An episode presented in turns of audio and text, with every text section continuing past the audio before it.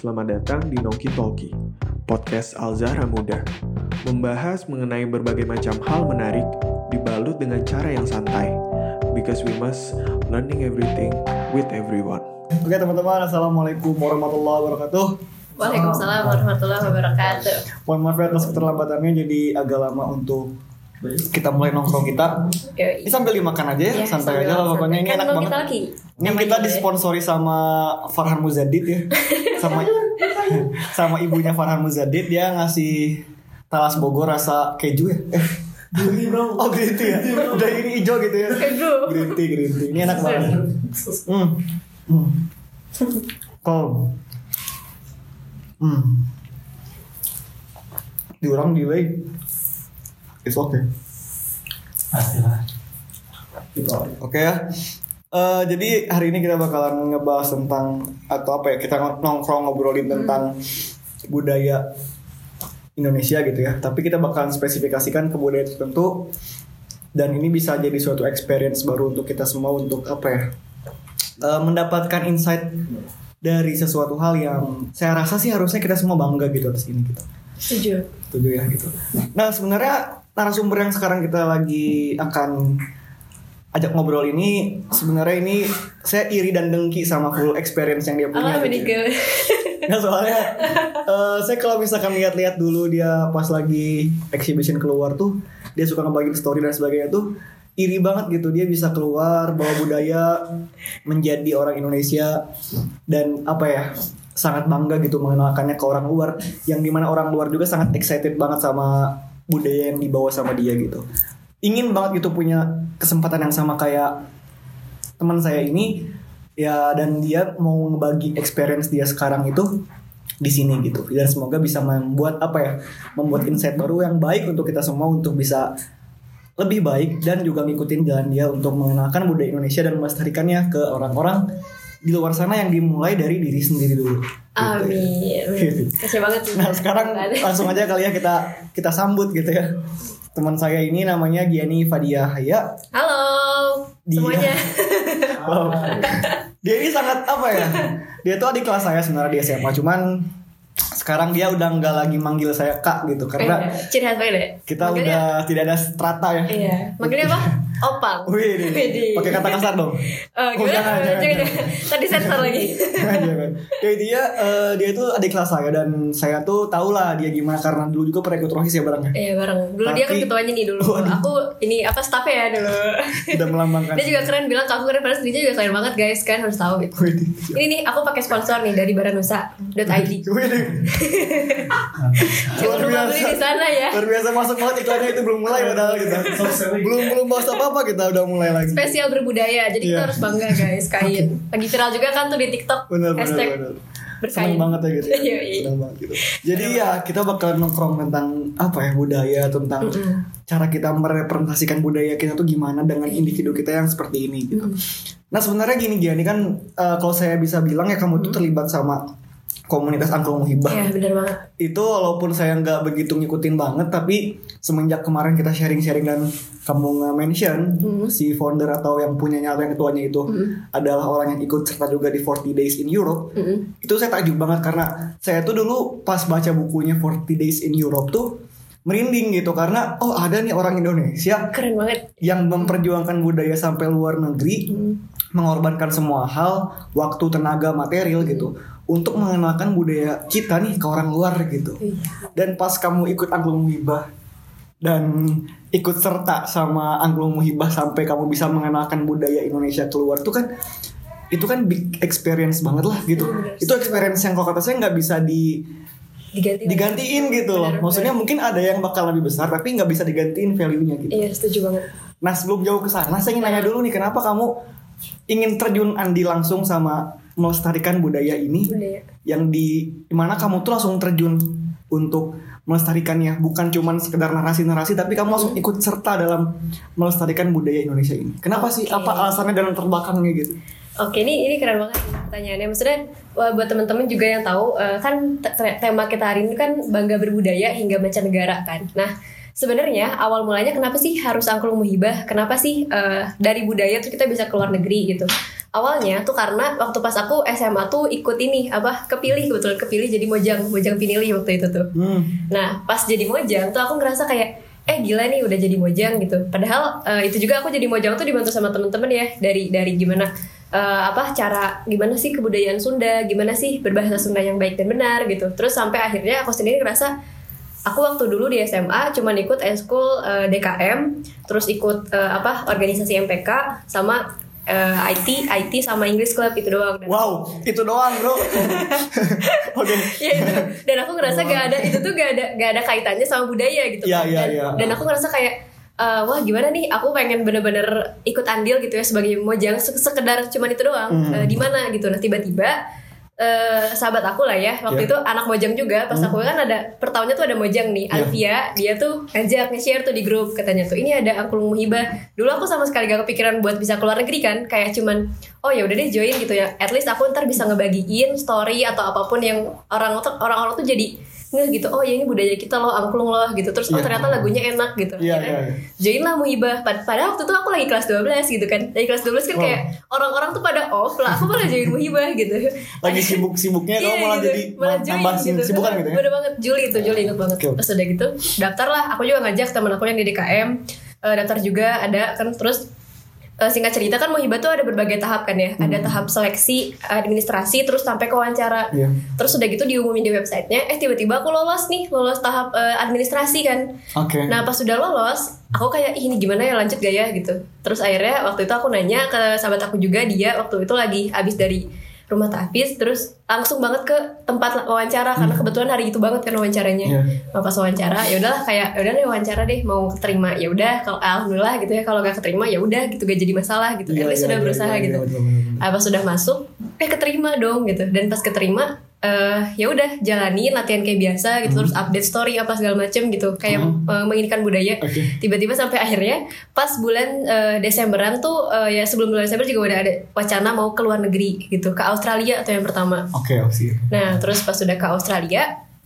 eh, apa namanya ke Eropa juga di bulan Juni gitu. Hmm. nah ya udah di situ aduh ya udah Australia kayaknya aku bisa ikut deh. Kalau yang Eropa bisa nggak ya gitu. Terus ya udah jalanin jalanin aja vakum dulu eh, selama beberapa hari terus akhirnya em selama beberapa bulan sampai akhirnya kita ke Eropa gitu. Dan di situ aku kayak ih gila kok bisa nih gara-gara cuman cinta sekedar dari ngewujudin cinta aku ya sama budaya Sunda gitu Oke. kan sampai akhirnya bisa keluar negeri dan ternyata itu tuh diwadahin sama Muhibah gitu. Dan Muhibah nih kebetulan ya ya tadi itu loh kasusnya tuh kayak kenapa Muhibah? Karena tiba-tiba ada Alivia nawarin gitu terus aku join makanya aku kayak wih bersyukur banget gitu Iya, iya. dari situ tuh Tapi itu semua tuh kan di fase kamu kelas 12 kan. Heeh. Maksudnya di fase yang orang-orang tuh ya secara logika normalnya ya. Bener. Mereka tuh ikutnya les-lesnya ke mana-mana gitu. Bukannya nambahin kegiatan Iya, yang di luar akademik gitu kan.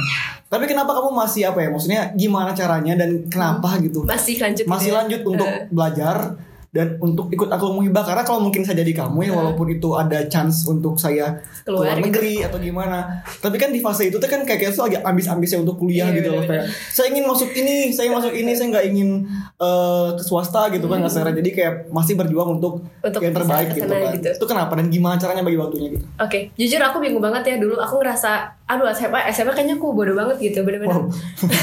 bener serius. Aku SMA tuh pernah ada kan dulu tuh ada seleksi beasiswa gitu Ya. Eh, dari GO kan. Di U24 tuh kan nggak ada ranking kan ya, udah nggak ada ranking. Tapi dari GO dia tuh nge-ranking. Aku Ya. nggak tahu dari mana. Pas aku Ya. lihat, Pak, kok saya gak masuk sih beasiswa G- eh, GO? Ini sorry ya sebut merek. Terus udah gitu, eh, apa sih? Pas udah gitu aku lihat ini Cina coba kamu kelas apa? IPA 3 pas dilihat ya Allah ranking 33 dari 40 orang. Ya iyalah gak masuk gitu kan. ya jelas gak masuk gitu. Terus akhirnya ya udah okay. eh, pas udah gak masuk Oke lah GO gak masuk gitu. Ya udah aku belajar sendiri gak, gak les waktu itu tuh. Terus akhirnya aku lanjut ke Muhibah tapi sambil belajar kan masih di Iya. IPA dan waktu itu targetku emang lumayan tinggi universitas terbaik di Bandung lah gitu waktu itu. Unpad? Unpad terbaik juga. Oh berarti bukan unpad. Oh Unpad terbaik tapi aku ya ya ya ada tapi ada yang bagi kamu kan Iya, bagi aku ya, bagi aku waktu itu Bagi pada kamu, saat ya, itu gitu ya, pada saat itu tapi ya gitulah. Terus akhirnya aku dulu ya udah aku bilang aku dulu pengen masuk eh, SAPPK ITB dulu kan. Tapi aku, aku Oh, oke. belajar gitu, belajar kan. Terus kayak belajar belajar belajar aku nggak les terus akhirnya sambil eh, apa manage waktunya tuh jadi eh, apa eh, ada latihan muhibah setiap muhibah tuh dulu tiap hari Jumat Sabtu Minggu latihannya Oh, Gitu, Jumat Sabtu Jumat Sabtu Minggu tuh kamu latihan. Iya latihan. oke. Sisanya di luar itu artinya aku uh, full lah buat akademis gitu kan. Oke. Nah, full buat akademis. Terus pas udah gitu, uh, pas di Desember kan Januari awal tuh masih oh yaudahlah masih ada libur-liburnya. Terus masih kayak awal-awal lah gitu bisa Ah. deh kayaknya bisa ikut Iya, iya. gitu. Nah terus pas udah ikut ke sana, alhamdulillah kan dua minggu tuh Hmm. di sana dan uh, fully funded teman-teman oh ya perlu diketahui juga angklung muhibah tuh biayanya fully funded. Jadi kalau di saat mungkin uh, kebudayaan atau yang lain tuh ada apa ya ngebiayain atau apa gitu. Nah di muhibah tuh kita bener-bener dibiayain apa ya ya full lah gitu ibaratnya kita nggak perlu mikirin biaya Oh, pesawat biaya Jadi udah apa gitu udah semua di provide sama Hmm, di provide ya? gitu sama sponsornya juga Wow. nah Keren. dari situ kan kayak wah pengalaman banget tadi kan yang Hmm. opang bilang juga ya kayak pengalaman tuh nggak bisa tergantikan gitu Betul. oke aku join di Australia tapi yang Eropa aku masih gak tahu nih lihat nanti gitu Oke, masih karena kan iya iya. di bulan Juni kelas 12 tuh lagi pertengahan gak sih bang jadi kayak padet-padetnya gitu. padet-padetnya gitu kan mau Ah, masuk ke mana udah betul, SBMPTN betul. ada UM gitu akhirnya ya udahlah abis Januari beres tuh yang Australia Hmm. terus aku eh, di situ disuruh vakum yang kelas 12 tuh dia anak muhibah nggak boleh join latihan lah gitu jadi disuruh berhenti dulu gitu Karena mereka juga inginnya kalian belajar dulu. masuk gitu. ya karena pasti ingin yang terbaik juga kan Betul, buat anggotanya betul, betul, akhirnya betul. kita belajar dan di situ tiba-tiba alhamdulillah aku tuh ikut ditawarin sama Bu Teni Oh iya tahu tahu Bu tahu tahu. Dak 24 nih pasti tahu Bu Teni ditawarin sama Bu Teni katanya Gi mau coba ini kayak beasiswa dari EduLab katanya tapi kamu kirim berkas kayak berkas nilai apa gitu kayak gitu. -gitu. akhirnya aku kirim berkas ya udahlah Bismillah gitu keterima Eh, alhamdulillah kalau enggak ya udahlah belajar sendiri bayarnya Betul, gitu betul, betul. eh tahunya keterima waktu itu di EduLab gitu Wow. pas udah keterima ya udah tiga bulan di sana persiapan UN SBMPTN Tiga bulan. Eh, tiga Januari bulan. dari Januari berarti sampai Maret. Januari sampai Maret tuh. Oke. eh. Aku kayak ya Allah ini apa sih materinya gitu kan susah gitu maksudnya untuk Oke. untuk dimengerti Kamu ngejarnya kamu gitu. IPA berarti kan IPA ini? waktu itu aku IPA. Tapi aku tuh keras kepala banget parah gitu. Di saat kayak gitu aku malah lanjut pengen ITB sama PK ITB gitu Wow. kan. Tapi ya udah aku Ya, meskipun berarti- mereka nyaranin kayaknya turunin gitu turunin gitu terus akunya bandel aku nyariin ke sana dan pas Juni Juni itu kan ada pilihan buat ke Eropa. Jadi Hmm. pas udah beres SBMPTN, kita tuh eh, apa latihan kayak bukan latihan apa?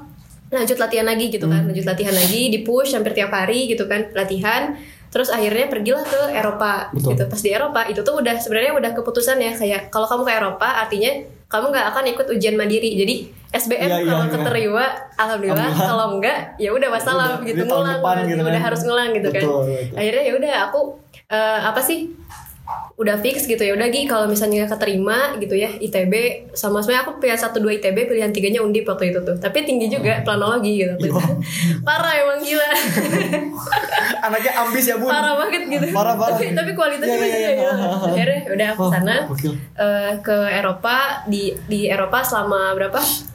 Satu bulan kurang lebih satu bulan terus terima pengumuman. Tapi sebenarnya ini emang salah aku sendiri sih kalau belajar karena teman aku juga ada Ical sama Tekoer dia keterima di psikologi Unpad eh, sama Ical diterima di FTTM ITB artinya Dengan kondisi yang sama. Hmm, gitu artinya kalau misalnya masalah belajar emang balik lagi ke diri kitanya sendiri gitu. Hmm, Mungkin oke. aja mereka lebih belajarnya tuh dari kelas 1 sampai kelas 3 emang udah paham banget gitu kan. Emang bener gitu ya. Bener gitu belajarnya jadi Iya, ngerti iya. paham gak Oh. cuman hafal tapi paham Betul, gitu. betul. Kalau aku mungkin baru belajar di kelas 12 itu salahnya gitu. Jadi Oke. buat teman-teman yang masih SMA yuk belajar dari sekarang biar gak kayak Betul, aku betul, gitu. betul, betul, betul. gitu. Jadi kalau bagi waktu pintar-pintar kitanya sih kayak kita tahu prioritas yang mana bagi jadwal per minggu gitu atau kalau bisa Oh. per hari gitu. Berarti kan akhirnya pada akhirnya kamu ikut ke Eropa kan. Mm-mm, Pada akhirnya kamu memutuskan untuk ya udahlah saya nggak ikut ujian mandiri gitu. ya. Hmm. Dan itu tuh pas nerima tuh pas lagi di Turki nerima apa maksudnya? nerima pengumuman keterima atau enggaknya. Oh iya. Iya, lagi mau tampil banget terus tiba nerima pengumuman Mam- aku tuh nggak berani buka eh tiba-tiba Iya, iya. ada WA apa chat gitu dari mama teh yang sabar ya ah udah ini mah udah Tapi tuh kan kamu kan menerima eh, informasi tentang terima atau enggaknya di Turki nih pas mau tampil banget. Hmm. Dan kodarullah mungkin hasilnya nggak diterima Iya, gitu ya bener. untuk untuk masuk ke kampus yang kamu mau gitu Iya. kan. Itu mempengaruhi kamu berarti kan psikologi kamu untuk tampil hari itu. Iya bener sempet sih aku kayak aku awalnya tuh kayak sosokan tegar ya kayak Wih deh, iya nggak apa-apa santai lah ya. Nggak apa-apa. Pas mama aku ngechat tuh, aku tuh ngeliatin kan ngeliatin si chatnya gitu. Aku tuh ngeliat terus di sebelah aku tuh ada teh lulu deh. Terus dia, dia tuh dia tuh dia tuh kayak mau nangis gitu. Jadi Oh, dia iya. nangis tuh aku jadi kayak ih kok nangis sih aku jadi nangis juga gitu. terus aku kayak jadi ngecelak lah jadi ceramah Iya, iya, gitu iya, kan. iya. Terus jadi ya udah aku nangis juga terus aku mikir sejenak tapi ya udahlah kan namanya kita di Muhibah mau tampil masih yang terbaik buat eh, apa membawakan budaya Mhm. akhirnya eh, kita lakukan yang terbaik gitu jadi ya udah stop kalau misalnya udah waktunya mau tampil kita profesional aja gitu bawa bawa suasana happy Betul. gitu Setuju, setuju. Sunda apalagi aku waktu itu kan kebetulan jadi penari Sunda waktu di sana Itu kita jadi penari Sunda. Mm-mm. Wow. Berarti tetap being profesional aja lah ya. Iya, Walaupun dalam kondisi yang secara psikologi itu sangat terpukul banget. Soalnya saya pas ngalamin juga sama kayak kamu pas saya nggak diterima SBMPTN ya. Heeh. Saya tuh lagi main PES. Oh, iya, Beda ya kondisinya. kondisinya beda. Kondisinya beda ya. Kalau kamu kan lagi lagi siap-siap Iya, tampil di. Turki lagi kan. Bawa budaya Indonesia, siap tampil di Turki gitu. Saya kondisi lagi main PES. Iya. Lagi main PES ada pengumuman dari eh, SBMPTN gitu kan. Iya. Pas saya kan ada link dulu kan. Iya. Dulu masuk dan sebagainya. Iya. Cuman saya di rumah teman saya tuh saya nggak ngecek, nggak mau ngecek. Oh. Kan takutnya saya malah nggak bisa main PES, nggak nggak bisa stabil main PES. Cuma sama tuh story. Ini teman saya tuh Tare ya, Tare Febriana Putra sama David Fikri yang yang yang di situ Iya. satu lagi lagi terima uh, gitu. Saya pulang ke rumah, saya buka di kamar, gak keterima, saya nangis di kamar. Wede. Tapi ya kondisinya beda ya Kalau misalnya kamu kan Karena woi Walaupun kamu gak keterima juga Kamu Saya ada jalan lain nih Membanggakan Indonesia gitu Dengan budaya gitu kan Iya. Ya kalau saya kan kondisinya Saya main PES gitu kan Iya. Jadi kayak Kecewa tuh karena Saya nggak punya suatu hal yang bisa saya banggakan gitu. Mm-hmm. Tapi kalau menurut saya Dengan dengan perjalanan kamu kemarin gitu ya Dengan dengan segala Hektiknya kamu dan sebagainya Menurut saya jadi suatu hal yang apa ya good experience yang bisa kamu bakalan simpan terus gitu. Sama sekali nggak bisa apalagi iya maksudnya banyak lah orang-orang yang ingin punya experience sama bahkan rela lah meninggalkan kuliahnya meninggalkan kerjaannya untuk dapat experience yang, yang sama kayak kamu gitu. Iya, benar. tapi kamu udah ngelakuin itu dan eh, apa ya udah merelakan suatu hal yang berat juga untuk kamu tapi pada akhirnya Allah gantikan juga gitu. Iya, benar. Ya kan? Setuju, setuju ada banget. ada jalannya Ada gitu. jalan lain ada ada suatu hal yang eh, Allah siapin buat kamu di luar sana yang akhirnya kamu tetap kuliah juga sekarang tapi tetap nggak ninggalin experience kamu dulu di Akul Iya, Muhibah di Turki dan di Eropa gitu iya kan. banget. Nah sekarang misalkan ada kesempatan lagi nih untuk untuk bawa budaya Indonesia eh, Jawa Barat khususnya gitu ke luar negeri lagi ke- entah itu mungkin ke Amerika atau mungkin ke mana pun lagi dengan kondisi yang mungkin akan lebih berat dengan kemarin Mm-mm. kamu Karena bakal gimana kondisinya? Oke, sebenarnya kalau misalnya untuk ada pengalaman lagi ya, kayak sekarang kan lagi kuliah nih. Kuliah juga kan maksudnya kita ikut eh, berbagai macam organisasi, terus juga eh, mikirin akademis juga apa Betul, gitu ya. betul, betul. Nah, kalau seandainya ada tawaran, eh, aku sebenarnya tipe orang yang kayak itu tuh misalnya ketika itu ada tawaran ke kita gitu, itu kan pasti udah jalannya Allah lah gitu. Iya. ah, Dan ketika kita gak mengambilnya gitu, aku merasa lebar gitu, merasa sayang nih kalau nggak diambil gitu. Ini kesempatan dan kapan lagi bisa jadi mungkin lima tahun ke depan, 10 tahun ke depan aku kan nggak tahu ya apa kondisiku, apakah bisa pergi ke tempat itu atau enggak gitu. betul betul. Dan aku sendiri lebih eh, ingin mengambil sebenarnya, tapi itu juga dengan berbagai macam pertimbangan. Betul. Misalnya aku ngambil sekarang, oh kita lihat dulu apakah eh, per- per- permasalahan akademis aman, terus apakah permasalahan eh, organisasi aku yang di sini aman gitu. Kalau s- dua hal ini misalnya udah aman dan dapat izin juga ya paling Iya, penting iya. kan, dapat izin dari mama papa gitu, Betul, betul. berrestu lah dari mereka. Makanya udah go for it gitu, Wow. maju Iya, gitu, iya, iya, iya. gitu. Jadi kita lihat berbagai lah macam ya hmm, gitu. Tapi Oh, saya iya. setuju sama kamu juga maksudnya dalam hal tadi.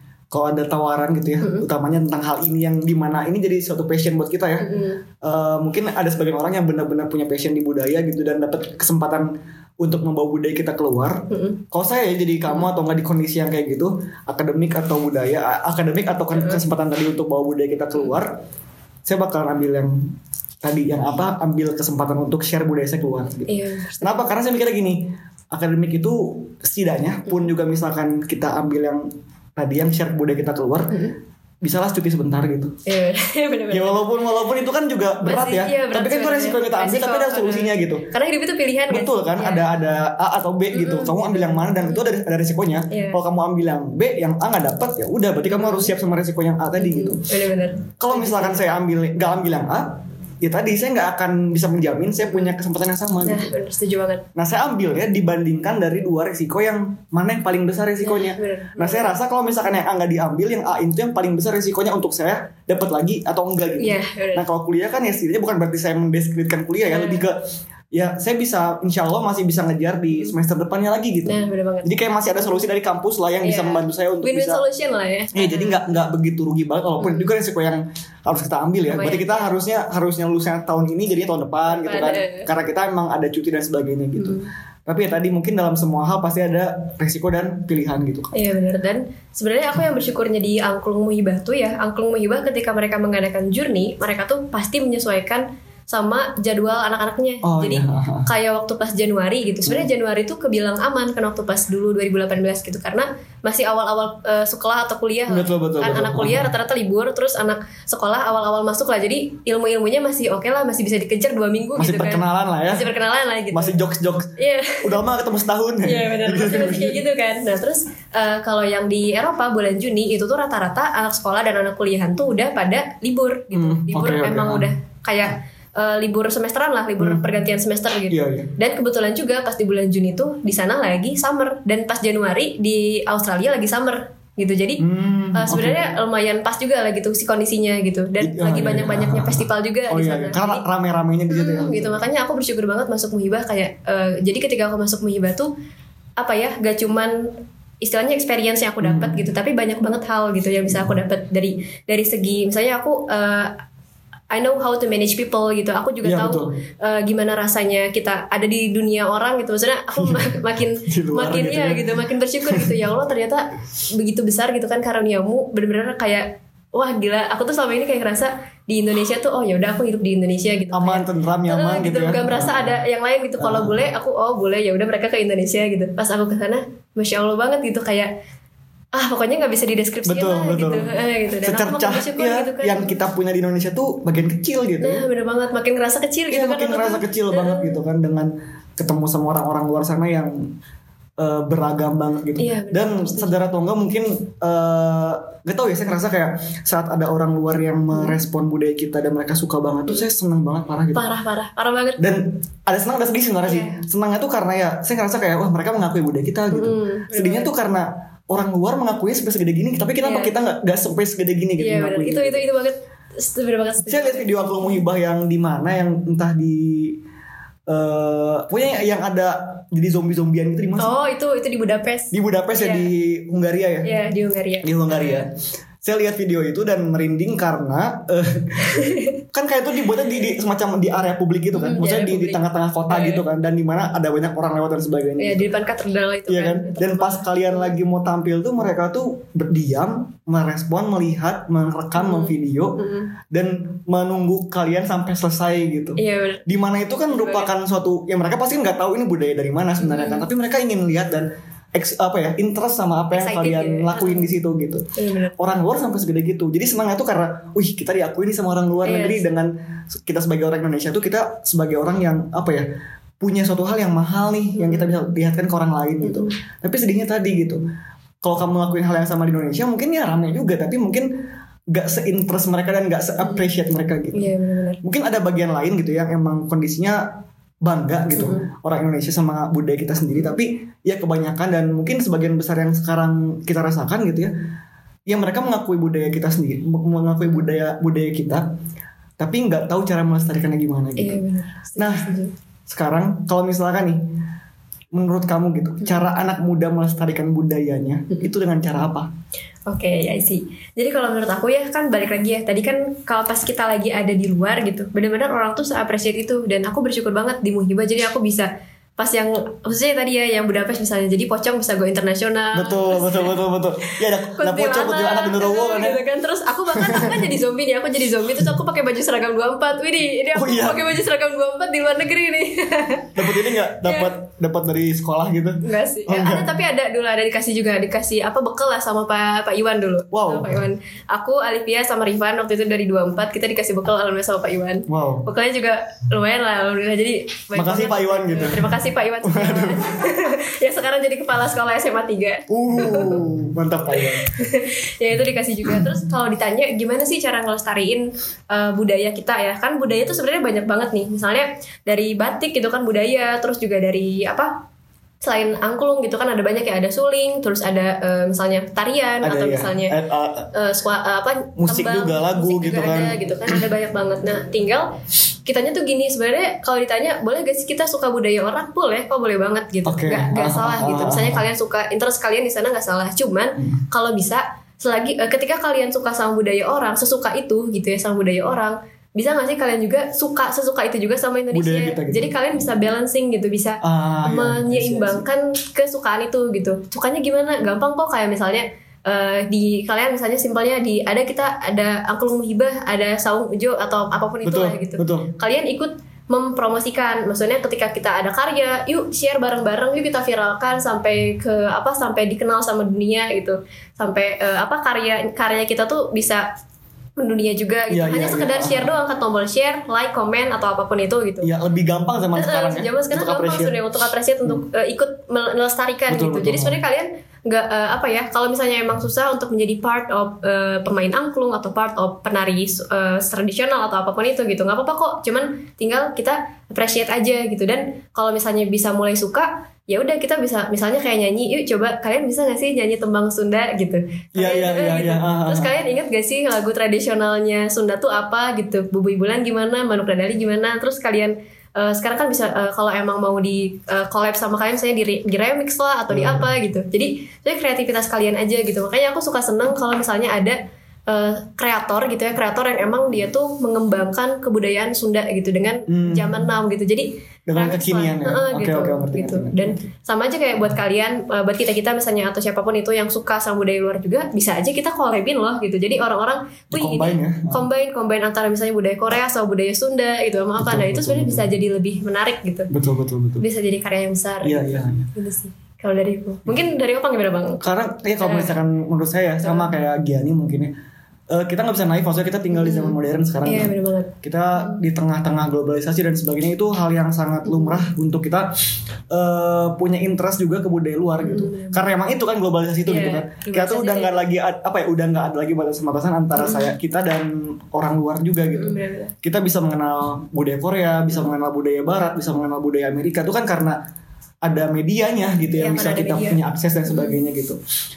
Dan menurut saya globalisasi atau media yang kita punya sekarang tuh eh, itu bukan menjadi suatu ancaman yang berbahaya juga kalau kita lihat dari perspektif manfaatnya gitu. Iya. Kayak tadi nih, kalau misalkan saya pribadi personal, eh, jujur ya, saya baru belajar budaya tuh baru interest dan baru mengikuti budaya tuh maksudnya baru ngerasa aware sama budaya dan sebagainya tuh pas tahun 2018 bulan Februari oh 2018 itu baru sekitar tiga tahun ya sampai tiga tahun. bulan tahun ini ya sampai sorry sekarang heeh. itu tuh karena Barnusa juga gitu Eh, awalnya cuman karena mikir ah saya nggak ada kerjaan saya mau buat apa? Akhirnya muncul gagasan Barnusa untuk mengcombine kain tenun kain batik dan narasi story Indonesia tuh untuk kita gabung dalam suatu produk gitu. Hmm, sampai survei itu juga gak sih? Kalau yang kalau nggak salah aku lihat ke mana gitu ke daerah Iya, iya. Indonesia gitu kan. Kemarin sempat saya ambil waktu untuk ke Lombok untuk survei sade Nah, itu untuk kan. riset juga ke Palembang juga untuk survei tentang kain tenun tajung kain songket Palembang gitu jadi emang pada akhirnya mendorong saya untuk melakukan itu. Nah dan sebenarnya gini kalau menurut saya eh, cara kita melestarikan budaya itu adalah hal yang personal. Iya. Eh, semua orang tuh beda-beda caranya gitu. Dan kita harus menghargai itu. Iya, benar. kayak tadi Setuju, mungkin setuju. kayak saya pribadi personal how to- eh, gimana caranya saya menghargai budaya Indonesia? Eh, saya membuat barang nusa. Iya dan ini adalah wadah yang saya akan utamakan untuk cara saya melestarikan budaya saya gitu. Saya akan berusaha buat gimana caranya Barang Nusa ini bisa menjadi media perantara untuk orang Indonesia minimal kenal sama budayanya lewat produk yang kita buat gitu. iya benar Mungkin kalau Giani kan dengan angklung hibahnya Iya. gitu.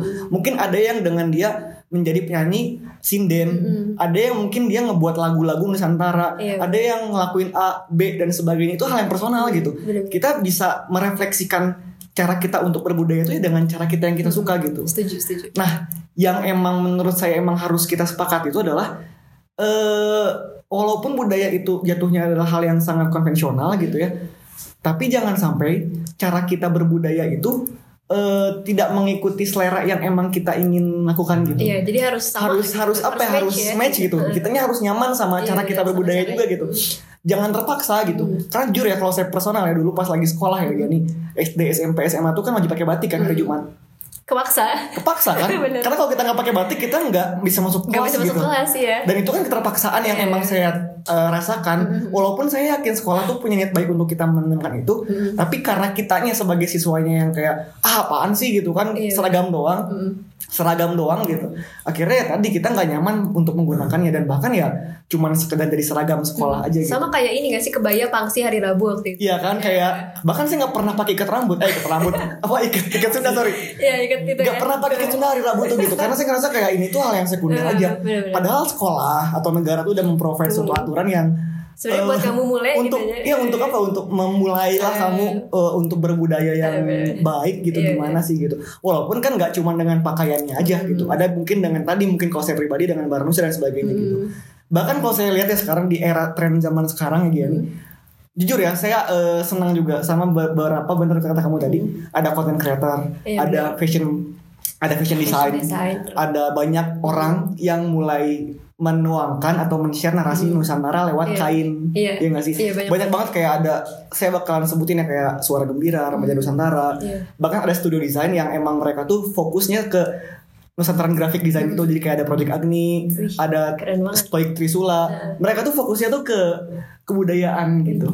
Tapi mereka tetap mix and match sama yang kekinian Iya gitu. kekinian juga modernisasi tadi Benar, gitu. benar, benar. Karena kan ya sedera atau enggak kalau misalkan di industri kan mereka bakalan uh, menerima order by klien kan. Hmm. Dan gak mungkin dong maksudnya kita cuma idealis dengan apa yang kita ingin lakukan Iya. aja tapi tanpa tanpa apa ya, tanpa mix and match gitu ya. iya, Dengan dengan audiensnya. uh, audiens Target tadi market gitu. lah. Siapa gitu kan. Iya. Tapi akhirnya bisa gitu loh. Ternyata mereka tuh punya panggung, punya punya lampu Hmm. untuk bisa mengenalkan budaya Indonesia ke orang-orang luar dengan cara mereka gitu Iya. sama kayak tadi semua orang tuh punya caranya masing-masing untuk mengenalkan budaya Iya. makanya kalau saya personal merasa bahwa refleksi budaya itu adalah hal yang personal buat masing-masing individunya Iya, gitu setuju, setuju. kamu dengan cara apa saya dengan cara apa itu adalah hal yang Iya, sama-sama cara benar apa. gitu Hmm, ya benar. kan jadi nggak ada yang salah gitu itu kalau. Dan sama ini sih, kalau aku aku tahu eh, ada orang bilang gini, kalau misalnya kalian ingin melakukan sesuatu, termasuk misalnya ketika kalian ingin melestarikan budaya gitu, lakukanlah dari hati karena sesuatu yang dari hati itu akan eh, abadi gitu. Betul. Maksudnya akan benar-benar full gitu Iya, kayak iya, iya. eh, ketika kamu kayak misalnya ini ketua angklung kita misalnya Kang Maulana gitu, mereka kan dia mendirikan angklung muhibah gitu dengan tujuan awalnya kan untuk melestarikan budaya Betul, gitu, betul, untuk betul. memperkenalkan angklung ke dunia Betul, betul, gitu, betul. untuk meyakinkan bahwa believing is seeing gitu kan Betul, bahwa betul. Uh, terus akhirnya uh, dari situ ternyata uh, dengan maksimal dilakukan gitu ya apa segala macamnya dari hati lah gitu Mhm. ya akhirnya sekarang kan bisa long lasting gitu karya-karyanya Iya, iya. itu juga sama kayak Baranusa gitu kan ya dari, Wow. dari hati gitu kan dari Iya, benar, benar. nyari nyari tahu survei apa segala macam sampai ada uh, apa terbentuklah si produk ini gitu yang emang bener-bener ini gue banget loh misalnya dan ini match banget sama uh, apa market target market kita Iya. atau misalnya sama kondisi terkini lah modernisasi gitu sih setuju Iya, banget sih. benar-benar. Mm. dan seiring uh, usaha teman-teman kita semua tadi yang uh, berusaha buat men-share budaya Indonesia dengan caranya masing-masing juga uh, apa ya tepat juga dengan kondisi yang terjadi, terjadi di uh, apa ya di kampung-kampung dan sebagainya yang di mana banyak tradisi-tradisi di sana tuh yang sekarang tuh udah mulai terkikis gitu. Kayak saya pernah ke kain eh, ke Palembang ya saya ke tempat tenun songket dan tajung mereka tuh bilang saya masalahnya sama anak-anak muda yang kita punya tuh mereka udah malas untuk belajar nah itu untuk menenun, untuk belajar untuk uh, melestarikan kain kita dan sebagainya mereka malas. Jadi akhirnya pada akhirnya mereka tuh sekarang kebanyakan ya tadi malas apa ya yang lakuin nenunnya tuh ya masih orang-orang yang generasi-generasi yang masih tua gitu. Someday mereka nggak ada kan nggak ada yang Nggak ada lagi mewarisinya gitu. iya bener. Ini masalah yang kita hadapi sekarang gitu. It's a big mistake gak sih? Jadi kayak suatu hal yang iya masalah yang sangat-sangat besar banget. Bener-bener. Tapi pada akhirnya tadi eh, mungkin banyak orang yang punya suara, yang punya influence, dia vokal masalah ini, akhirnya ngasih suatu eh, manfaat atau impact meningkatkan awareness tadi kepada masyarakat juga bahwa ini budaya kita, kita harus bangga untuk berbudaya gitu. Bener. Ya dengan cara apa pun tadi, entah mungkin Personal aja, ya juga personal aja. hati. Ada yang mungkin dengan bangganya, kalau saya personal ya jujur, saya sangat-sangat suka pakai sarung ke mana-mana. Mm. Karena sarung itu menurut saya tuh hal yang sangat sentimental karena sarung itu tajung sarung tajung itu adalah sarung dari Palembang. Iya benar-benar. Dan saya tuh selalu apa ya suka kalau saya pakai sarung tajung ke mana-mana. Adik saya dia pernah ke bioskop pakai sarung. Sepupu saya pernah pakai bioskop pakai sarung juga, gitu. juga. Itu adalah hal yang menurut saya biasa, tapi mungkin bagi orang-orang luar kayak, ih kok pakai sarung mau sholat gitu kan. Kan Sholat cuman nggak cuman itu gitu kan maksudnya nggak cuman Nggak cuman ya. cuman pakai sarung tuh mau ke masjid dan sebagainya tapi ya kita berbudaya dengan apa yang kita punya Hmm. berkain atau ngelakuin hal-hal yang mungkin disukain sama kalian apa pun itu ya itu menjadi suatu hal yang nggak salah gitu Iya benar. Malah bisa jadi tren loh. Misalnya Iya, kan kayak dari sarung gitu. gitu. Oh ntar dari dari satu orang terus kayak Wih, ini keren juga nih sarung. Hmm, Terus ntar orang-orang makin kayak banyak desain-desain yang ada unsur-unsur budayanya Iya, iya, Terus ntar iya. jadi bisa jadi tren juga gitu Betul, dan itu betul, malah betul. jadi oh ternyata malah sampai internasional juga gitu Betul, kan betul, orang betul, luar betul. pakai yang budaya kita juga Iya iya iya. Bahkan kan Nelson Mandela aja dia Iya. menggunakan batik untuk kegiatan-kegiatan eh, kenegaraannya dia gitu. kan? Orang Afrika Selatan dia pakai batik gitu. Nah, kan. Sementara kita kan untuk hal-hal yang sifatnya formal kan biasanya pakai meja hitam atau Iya, putih gitu. Padahal kan kenapa nggak kita coba Kenapa nggak pakai batik aja gitu kan? Gitu. Ya mungkin eh, mungkin ya emang secara harga mungkin kalau yang batik asli kan emang mahal. Tapi spare money untuk itu menurut saya nggak salah sih Iya, gitu. Untuk membanggakan apa ya? Meng-up budaya kita lah. Iya iya Mengangkat betul budaya betul, kita betul, betul, gitu. Karena kalau kita bangga sama budaya kita, kita pasti bakal mikir gimana caranya kita melestarikan budaya kita. Nah, setuju banget. Dan bagaimana melestarikan itulah pasti bakal melibatkan orang-orang yang terjun aktif sama proses penjagaan budaya itu. Kayak misalkan ada kan orang yang menenun kain. Mereka kalau misalkan orang-orang di, di Indonesia ada minimal aware sama kain itu adalah kain yang eh, kain dari kita nih kita minimal harus punya atau harus membeli dari mereka. Iya. Mereka juga bakal hidupnya sejahtera dengan usaha mereka di pembuatan kain, kain tersebut gitu kan Hmm. gitu. Jadi menurut saya bakal menjadi suatu sirkulasi yang positif kalau misalkan kita semua di sini aware sama budaya kita gitu dengan cara kita masing-masing gitu. Setuju, setuju. Itu sih. Iya sih, aku kadang kayak tertarik apa ya? Maksudnya aku ngeliat juga dari contoh eh, Korea misalnya, kenapa sih kok mereka bisa eh, dikenal sama banyak orang gitu kan? Itu juga suatu hal yang maksudnya menarik untuk dibahas lah ya. Betul kayak, betul betul. eh, kok Korea aja bisa loh dulunya kan biasa-biasa aja, Iya, iya, sekarang iya, jadi iya. booming banget. Nah, terus aku mikir Indonesia dengan kebudayaan kita yang super kaya ini gitu dari Sabang sampai Merauke, kalau kita bisa kayak gitu itu lebih keren guys, bener-bener karena banyak banget gitu yang bisa kita up sebenarnya Wow. kalau anak mudanya mau mulai Iya, iya, iya. dari dirinya sendiri gitu, sesadar eh, se- sekecil kayak ih gue udah udah ngelakuin apa ya buat ngelestariin budaya Indonesia terus kalian dari udah dari mikir gitu tinggal lakuin gitu apa pun yang kalian suka gitu. Karena emang bener cara melestarikannya itu emang personal ya. Terus eh, setiap orang punya caranya masing-masing gitu. Jadi kalian tinggal eh, temukan gitu apa yang emang menurut kalian oke gue go for it karena gue pengen eh, melestarikan budaya Indonesia Wow, misalnya gitu. mantap sih ini. Nah, sekarang kita bakal coba kembali topik ke angklung muhibahnya lagi. Saya bakalan sebutin lagi angklung muhibahnya. Eh, ada nggak pengalaman yang paling berkesan sama kamu pas kamu lagi tur ke Aussie atau nggak ke Eropa selama itu gitu? Ada nggak pe- pengalaman yang paling berkesan yang paling menyentuh hati kamu? Titik puncak yang kamu rasakan, kamu bangga banget sama budaya Indonesia. Ada nggak? ada sebenarnya waktu ini waktu kita kan waktu di sana di Eropa ya waktu itu di Eropa kita ikut tiga festival Eh, festival dua festival itu festival non competition jadi kayak kita cuma festival aja tapi nggak emang ada kompetisi dan Oke. satunya di Bulgaria kita ikut festival kompetisi gitu Oke. Nah di situ kan eh, di Bulgaria tuh selama beberapa hari ya. Nah pas di Bulgaria kita eh, pas pertama datang tuh langsung ke bagian nomor urut satu bayangin langsung ke bagian Wow. nomor urut satu gitu kan. Ya Allah baru juga cap nyampe gitu capek can ngarangkap can naon gitu nya langsung ke bagian nomor Iya, urut iya, satu iya, gitu. iya, iya. Terus akhirnya kita semua eh, prepare gitu kan kayak latihan angklung. Biasalah kita biasanya sebelum main angklung latihan angklungnya, latihan eh, paduan suara gitu, pemanasan lah ya. Oke. Pemanasan nari juga pemanasan gitu di tempat eh, di stage-nya gitu. Hmm. Sampai yaudah akhirnya kita eh, di kompetisi ngelakuin ada ada strategi waktu itu sebenarnya aku menghibah kayak strategi tarian yang di pertama apa, kedua apa, ketiga apa. Karena kan kita eh, terbatas juga SDM-nya gitu. Betul, betul. Bener-bener capek banget terus sampai ada temen aku Vida gitu bener-bener dia kan penari banget ya penari Iya. sejati lah aku bilang dia bener-bener dari eh, segalanya gitu ya kayak gak segalanya maksudnya lebih banyak dari yang lain lah gitu Hmm. tari jali-jali tari elah, eh, tari Sunda LHT gitu terus tari Badindian juga terus intinya Wow. dan itu tuh cara berurutan itu kan capek ya saya kalau Iya, tari. iya, terus dia iya. sampai kayak eh, hampir mau pingsan gitu pokoknya ah di panggung tuh di belakang kayak gitu kan cuman eh, sampai akhirnya ketika malam pengumuman gitu eh apa bener-bener terharu banget ketika angklung muhibah eh, membawa nama Indonesia gitu ya Hmm. dinyatakan sebagai pemenang Grand Prix gitu Grand Prix itu Wow. berarti kan juara umum gitu ya juara Wow. satu juara umum itu kayak wah itu eh, apa Rifan ngibarin bendera terus aku kayak eh, orang-orang semuanya pada apa namanya standing occasion gitu Iya kan. iya iya. Terus ngeliat kayak Semua orang yang ada di situ Eh, pasti kan. gitu setiap orang yang ditanya juga kayak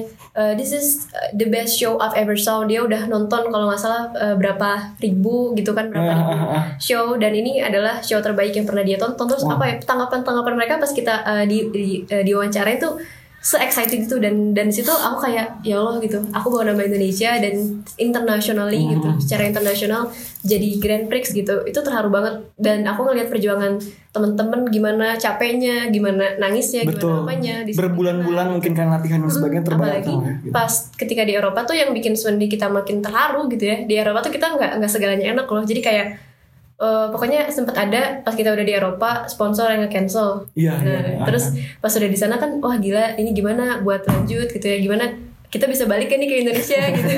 kalau misalnya balik ke Indonesia nggak ada uang, terus kalau misalnya stay di sana juga sama aja nggak ada uang. Iya, gitu iya, kan. iya, Jadi iya, iya. ya maksudnya sempat sempat ada kita eh, di hotel itu kan kayak sama-sama renung, sama-sama kayak ini gimana nyari solusi bareng-bareng sampai ngamen gitu kan ngamen Eh, ya buat nambah penghasilan apa segala macam gitu. Maksudnya kita di sana sebenarnya bisa dibilang ada momen-momen sedihnya lah, ada ada sedihnya gitu Iya, dan iya. ketika kita menang bawa nama Indonesia Grand Prix gitu ya itu kayak wah gila bener-bener gak bisa di, eh, diartiin didefinisiin lah sebahagia apa kita semua yang ada di sana dan itu eh, aku tuh ngerasa kayak wah gila Indonesia iya.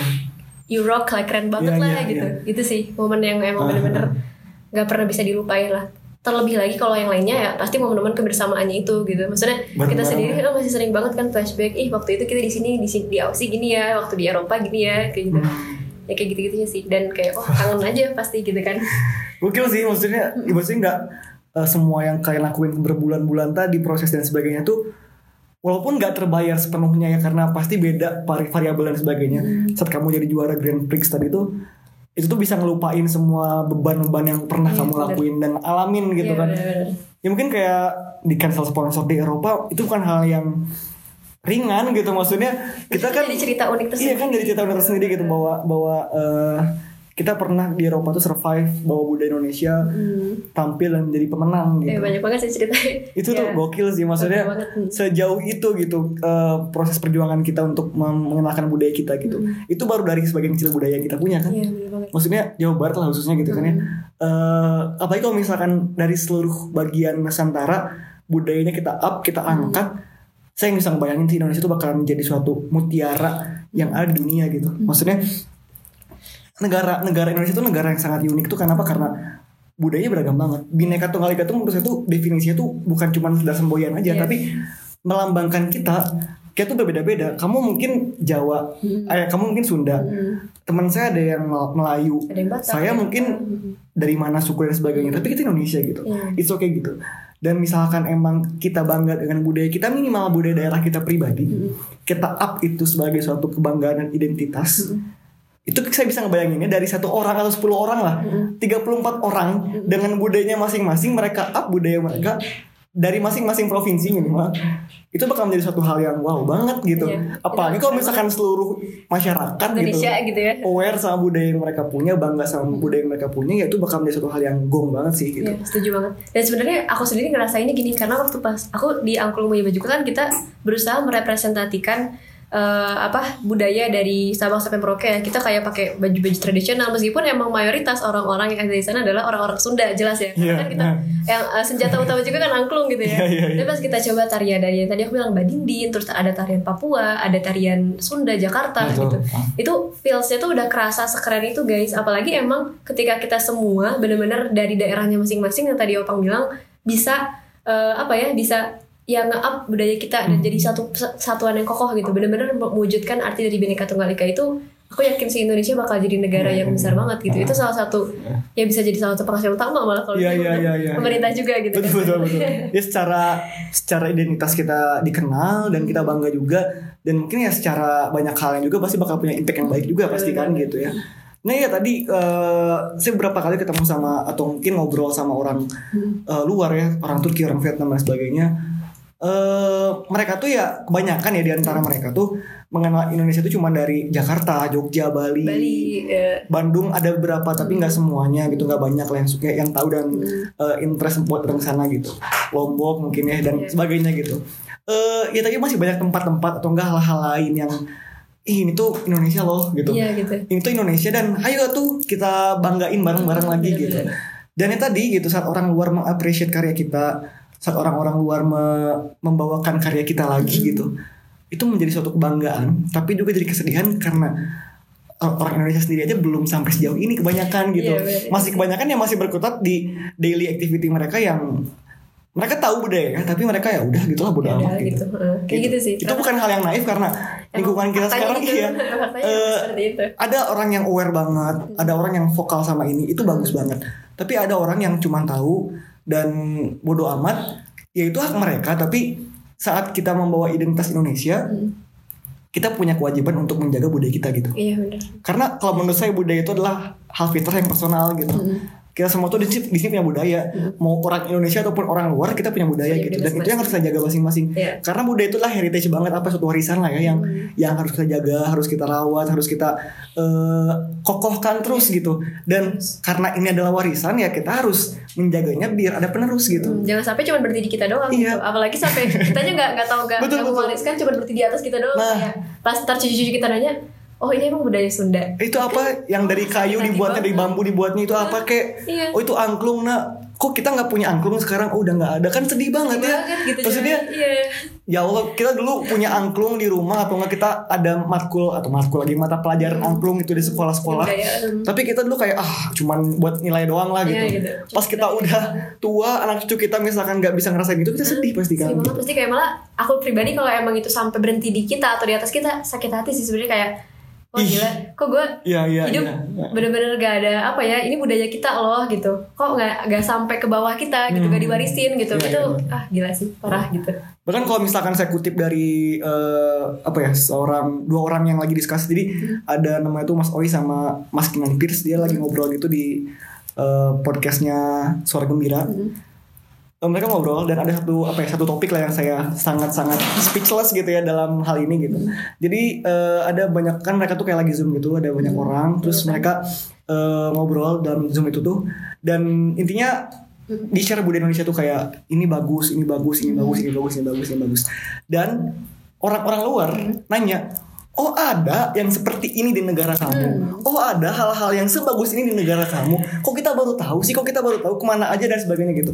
Itu kan kayak, wow tanggung jawab kita loh untuk anak muda sebagai ya generasi penerus, generasi pelurus dan sebagainya untuk untuk bisa mewarisi Iya. budaya-budaya yang ada ini. Gitu Iya, iya, jangan sampai budaya itu menjadi suatu hal yang menjadi legenda gitu yang yang cuman jadi cerita doang tanpa kita tahu dan gimana rasanya gitu berbudaya seperti ini gitu karena menjadi suatu hal yang sangat menyedihkan saat misalkan nanti udah tua kita udah nggak punya activity lagi kegiatan apa pun eh, udah nggak punya maksudnya pekerjaan udah selesai udah cukup dan sebagainya.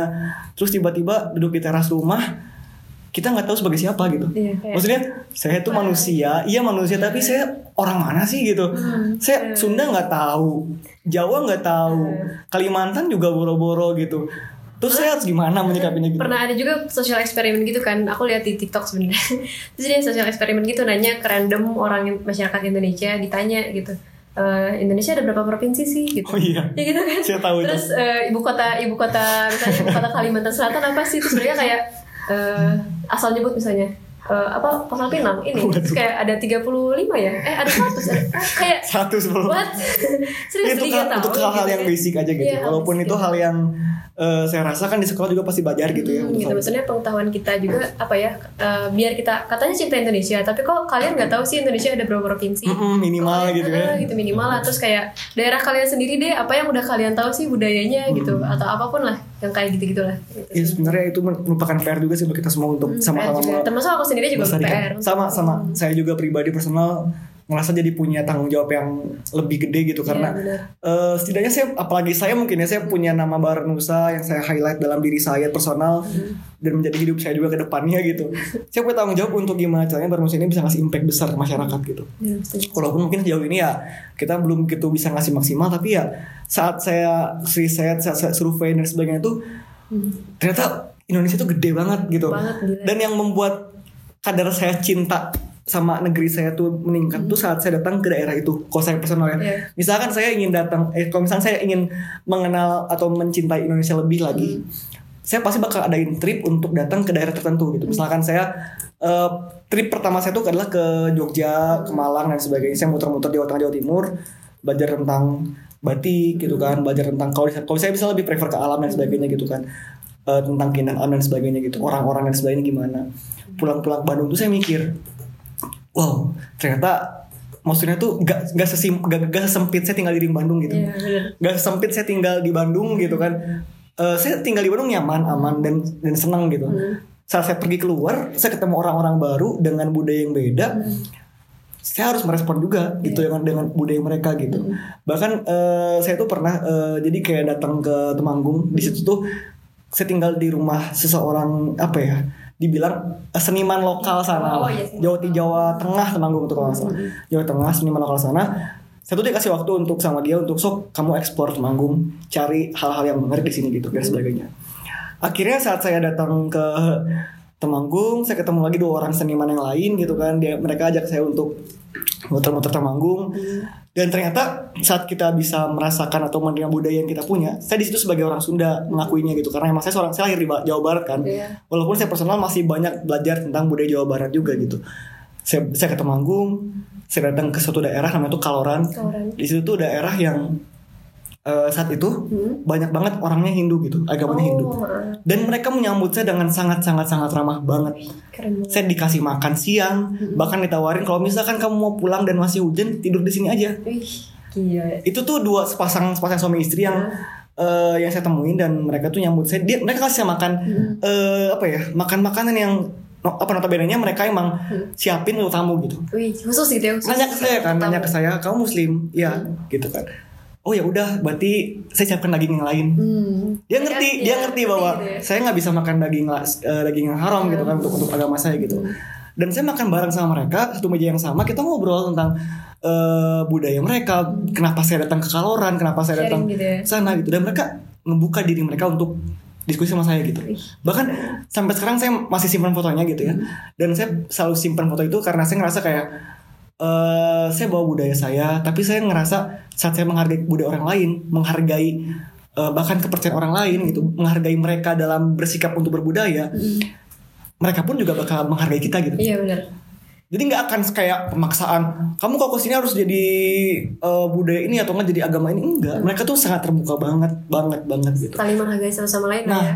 jadi intinya tadi gitu kan saat saya pulang ke Bandung tuh saya pulang langsung mikir saya makin cinta sama negeri saya, saya makin makin meningkatkan ibadah saya juga karena mereka juga meng- me- apa ya me- Segitu memprovide saya dalam ibadah Dalam gitu. ibadah. Karena kan saya kan harus sholat lima waktu kan. Iya.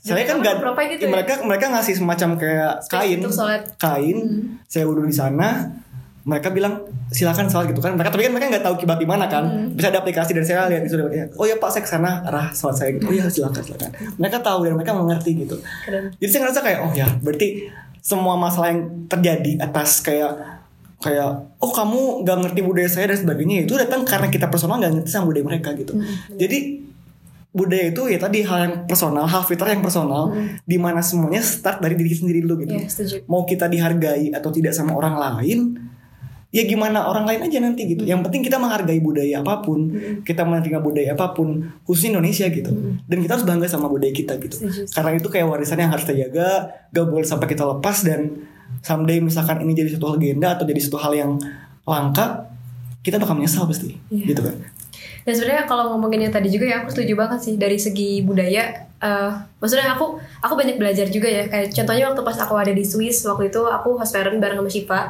Eh, di situ parentnya baik banget orang Swiss gitu kan Mhm. orang Swiss. Dan dia tuh sekepo itu, maksudnya seantusias itu tentang sama Indonesia. Ya, Indonesia gitu. Dia nanya gitu kayak oh gimana Indonesia? Ada ada apa aja? Gitu. Terus dia- juga eh, nanya tentang kita backgroundnya apa sih? Kuliah di mana? Terus ternyata Shiva sama dia sama-sama anak hukum gitu Iya, Dia juga. Terus udah gitu juga bahkan termasuk dari segi yang provide eh, agama juga mereka juga sama. Gitu, iya, provide kayak gitu. bahkan mereka nanya oh kenapa kalian pakai kerudung? Gitu. Kenapa? Hmm. terus aku malah sampai ngasih sama Shiva ya kita ngasih oleh-oleh kerudung itu buat dia dan dia seneng katanya. Aku bakal pakai buat winter katanya. Ah iya iya iya benar Terus benar benar ya jadi hal-hal yang sebenarnya banyak banget aku dapetin ketika aku ada di sana gitu. Banyak Hmm, banget. Gak, gak cuman tentang budaya tapi juga tentang kayak aku makin alhamdulillah bersyukur gitu bisa ngelihat bu- eh, apa dunia semakin luas gitu. Betul, terus juga betul, betul. dengan aku pun semakin bersyukur gitu eh, bahwa ya balik lagi gitu apa pun ke apa ketika kita menghargai eh, apa misalnya orang lain gitu mereka pun juga akan menghargai kita. Dan Iya, itu iya. juga tuh apa ya istilahnya ya dari hati balik lagi ke hati gitu. Dan itu aku aku kerasa banget gitu Iya, iya, bener-bener. sampai sekarang malah aku sampai masih kontak-kontakan juga sama eh, itu Host parent eh, itu ya? tuh namanya college sama college Wah. gitu. Wah jadi aku kayak masya allah keren banget gitu. Aku bener-bener gak bisa didefinisikan rasa syukurnya itu bener-bener keren. Iya, iya. Karena ya tadi kalau saya mikirnya semakin kita membuka mata kita untuk hal-hal yang baru, kita makin cinta sama apa yang kita punya gitu. iya bener. Tapi kita nggak akan jadi kayak membandingkan mana yang baik atau enggak, tapi kayak ngerasa wow bagus banget semuanya gitu. Dan kita pasti bakal pulang ke rumah dan membanggakan apa yang kita punya gitu. Kayak tadi lah kamu keluar negeri membawa budaya angklung ketemu sama orang-orang baru eh, tampil di sana. Kau pulang ke Indonesia tuh pasti bangga banget sebagai orang Indonesia banget banget di sana bangga di sini bangga banget gitu. Iya, gitu. Jadi kayak wow.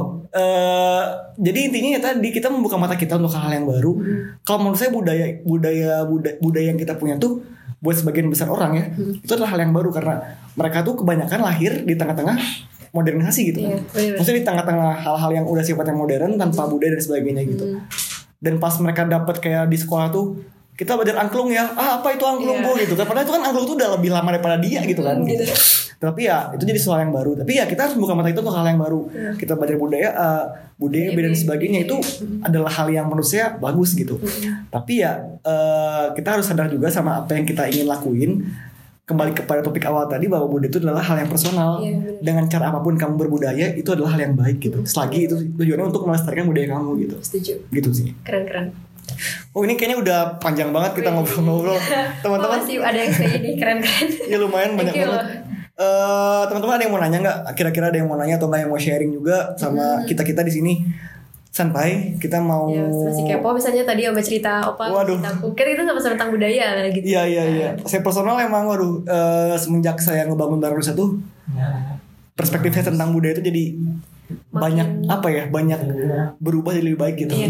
Yang di mana awan cuman dulu tuh pakai batik tuh kayak kayak cuman sekolah, terus kayak belajar angklung, gamelan tuh cuman Hmm. Iya. untuk nilai sekolah gitu kan. Bener-bener. Tapi nyesel loh, kayak dulu tuh saya dapat kesempatan untuk belajar gamelan, Hmm. belajar angklung, suling.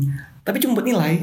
Setelah lulus sekolah, setelah dapat nilainya, udah saya lupa. Saya dulu pernah main saron, main bonang. Hmm. Eh, terus eh, apa kalau misalkan eh, pakaian saya juga pernah disuruh pakai pangsi kan, pakai ikat kepala, pakai batik dan sebagainya. Tapi ya dulu cuma buat kayak semacam oh ya udah sekolah aja gitu. Kalau misalnya kita nggak ikutin ini, kita bakalan diusir dari sekolah kita gitu mikirnya gitu ya ya mikirnya itu gitu sesimpel itu doang gitu tapi pas saya udah lulus udah lulus sekolah saya kuliah tahun 2018 tuh baru saya datang ke gagasan saya saya mikir wah tanggung jawabnya gede ini pasti Iya, benar. kita harus bawa kita harus bawa narasi Indonesia Eh. yang sifatnya tuh pasti harus full of riset gitu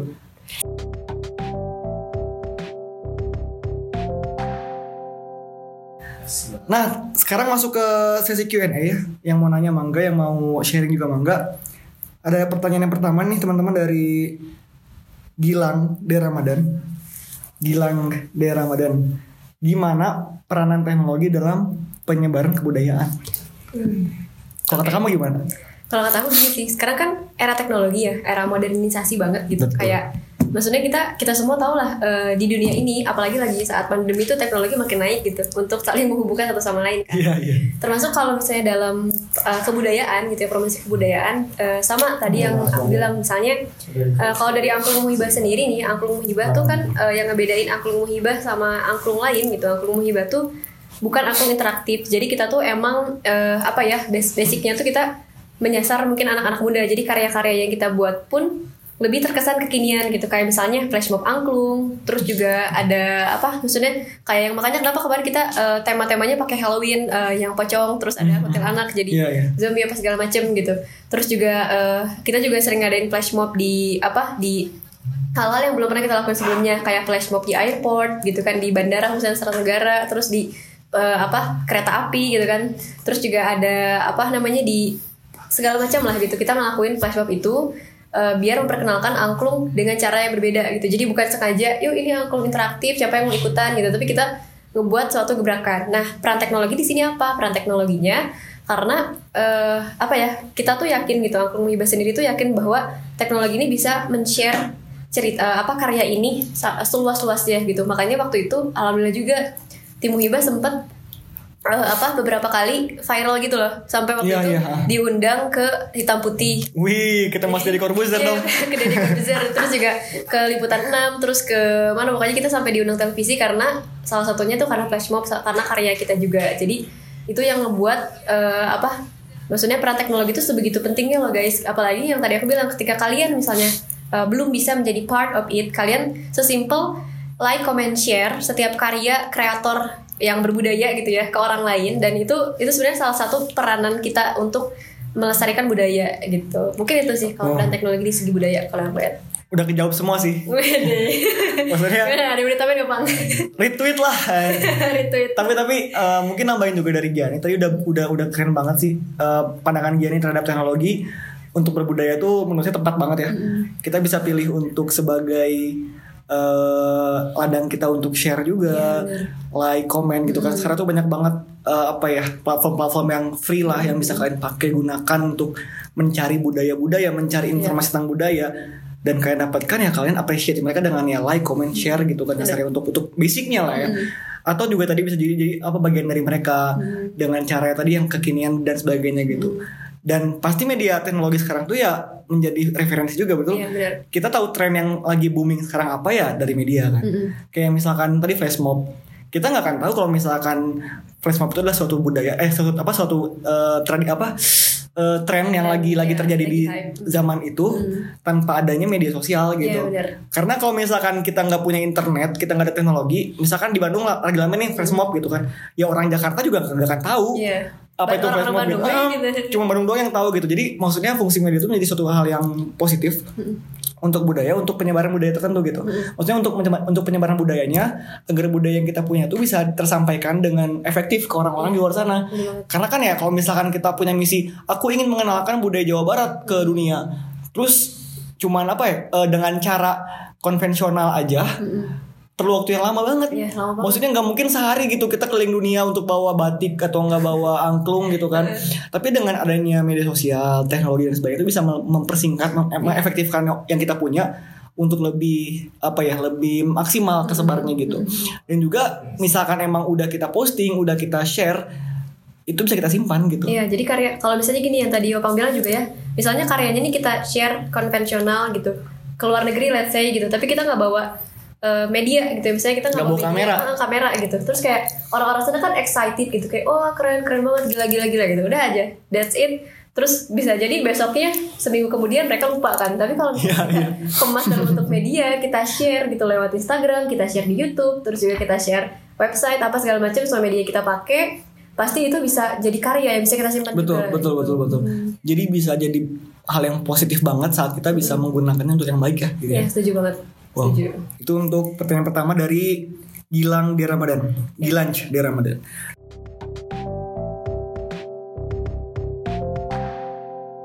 Nah yang kedua dari Thank you. Lutfi Arsyad teman kamu ini mah Teman kamu juga. Iya teman saya juga Eh, Dia nanya nih gimana menurut kalian Menjual hal yang berbau budaya Indonesia Di Indonesia Untuk kalangan muda Sedangkan target pasarnya bisa dibilang Masih dirasa nggak familiar sama pemuda Indonesia. Kayaknya ini, Ini baru Barang banget Nusa bro. Hey.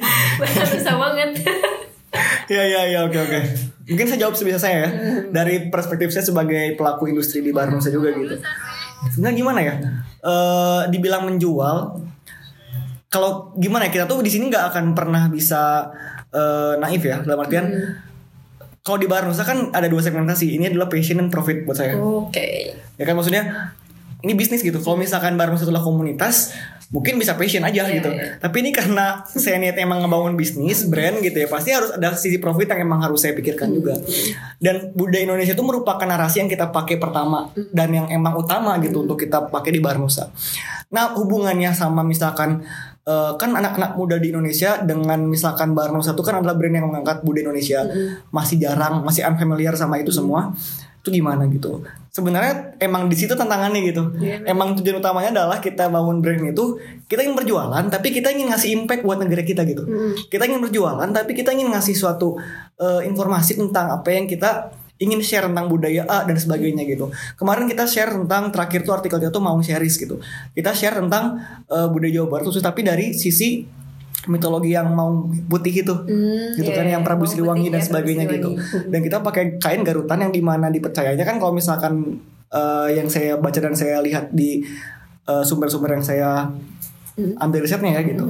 Mawang Putih ini tuh ada di hutan Sancang di Garut gitu. Jadi kita ambil kain garutan terus kita ambil narasi tentang Mawang, Mawang Putih ini kita ambil karakter dari Mawang Putih itu apa? Bijaksana terus kuat dan sebagainya. Kita buat desain-desain yang emang mewakili itu semua. Emang banyak step by stepnya sih maksudnya.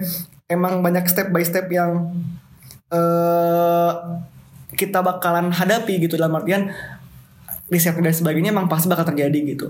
Tapi yang terjelas, yang terpenting adalah saat kita bisa punya niat untuk men-share budaya kita ke orang lain, untuk bisa men-share budaya kita atau enggak hal-hal yang sifatnya masih unfamiliar ke orang-orang yang muda dan sebagainya. Ya itu emang gambling di situ. Itu emang jadi tantangan kita untuk gimana cara kita bisa memediasi, mem- membuat media untuk untuk Barnusa, untuk budaya kita bisa dikenal sama mereka semua, tapi secara asik gitu. Benar. Makanya tadi kita kita di Barnusa tuh ya nggak ah, kalau di kalau di Barnusanya ya kita nggak nggak melulu aja gitu untuk bener-bener eh, apa ya konvensional budaya banget gitu misalkan kayak eh, kita angkat batik atau enggak angkat sade ya kita nggak cuman masukin kainnya doang ke dalam jaket dan sebagainya tapi kita coba untuk angkat storynya. Iya. yang di mana eh, grafisnya atau enggak suatu hal yang bisa dilihat sama mereka tuh lebih gampang mereka kenal gitu. Jadi jangan apa ya mungkin karena ini bisnis jadi kayak pasti ada aja eh, hal-hal yang harus kita pikirin dibeli nggak ya sama Iya, orang-orang gitu kan. Jadi kita nggak bisa full idealis untuk eh, cuman ngelakuin passion kita doang gitu jadi emang apa ya susahnya tadi ya tadi kita harus harus harus pinter-pinter membuat budaya itu dikonversi jadi suatu hal yang modern buat mereka gitu walaupun kita mengangkat value yang sama jadi mungkin kemasannya beda tapi isinya sama Isinya gitu sama. karena biar bisa diterima sama kalangan-kalangan yang eh, masih unfamiliar sama budaya kita Budaya. gitu. Nah terus direspon sama si Acen nih. Oh ya so Oh, eh, maksudnya jadi kan katanya baru dosa doang gitu kan. ya kayak show dan atau pertunjukan seni juga kan eh, menjual budaya kan sebenarnya. Nah, kalau misalkan menurut kamu nih berarti kalau misalkan dari show atau pertunjukan budaya eh, gimana caranya untuk menargetkan ke anak-anak muda atau enggak biar mereka tuh ikut nonton lah minimal sama Oke. eh, yang kamu buat gitu. Oke, kalau misalnya dari aku sih gini chat, jadi apa kan kita sebenarnya di Muhibah juga eh, istilahnya kita menjual karya lah ya, karya salah satunya mungkin dari karya YouTube gitu. Nah, gimana caranya biar orang tuh bisa relate? Sebenarnya si flash mob ini sendiri tuh salah satu cara biar orang-orang tuh bisa lebih relate gitu kan karena target market kita cile target market Target market siapa? anak marketing kali ya ya anak marketing Ruby Khalid. misalnya kan target ya targetnya kita misalnya target target kita tuh kita pengen orang anak muda gitu ya anak muda eh, bisa lebih aware lah lebih lebih paham tentang si eh, apa si budaya gitu. Nah, gimana caranya kita bisa menyesuaikan? Kalau misalnya kita let's say kita cuma ngadain angklung interaktif kayak yuk eh, ada angklung interaktif tanggal sekian hari sekian di misalnya di tempat kita di eh, Paguyuban Pasundan misalnya kita kan biasa dulu latihan Paguyuban Pasundan kita ada angklung interaktif pasti eh, apa ya perkiraannya perkiraannya pasti kan yang datang sedikit ya kayak apa sih gitu. Gak Pasti membosankan gitu kan. bosen gitu apa sih gitu kan, kayak gitu.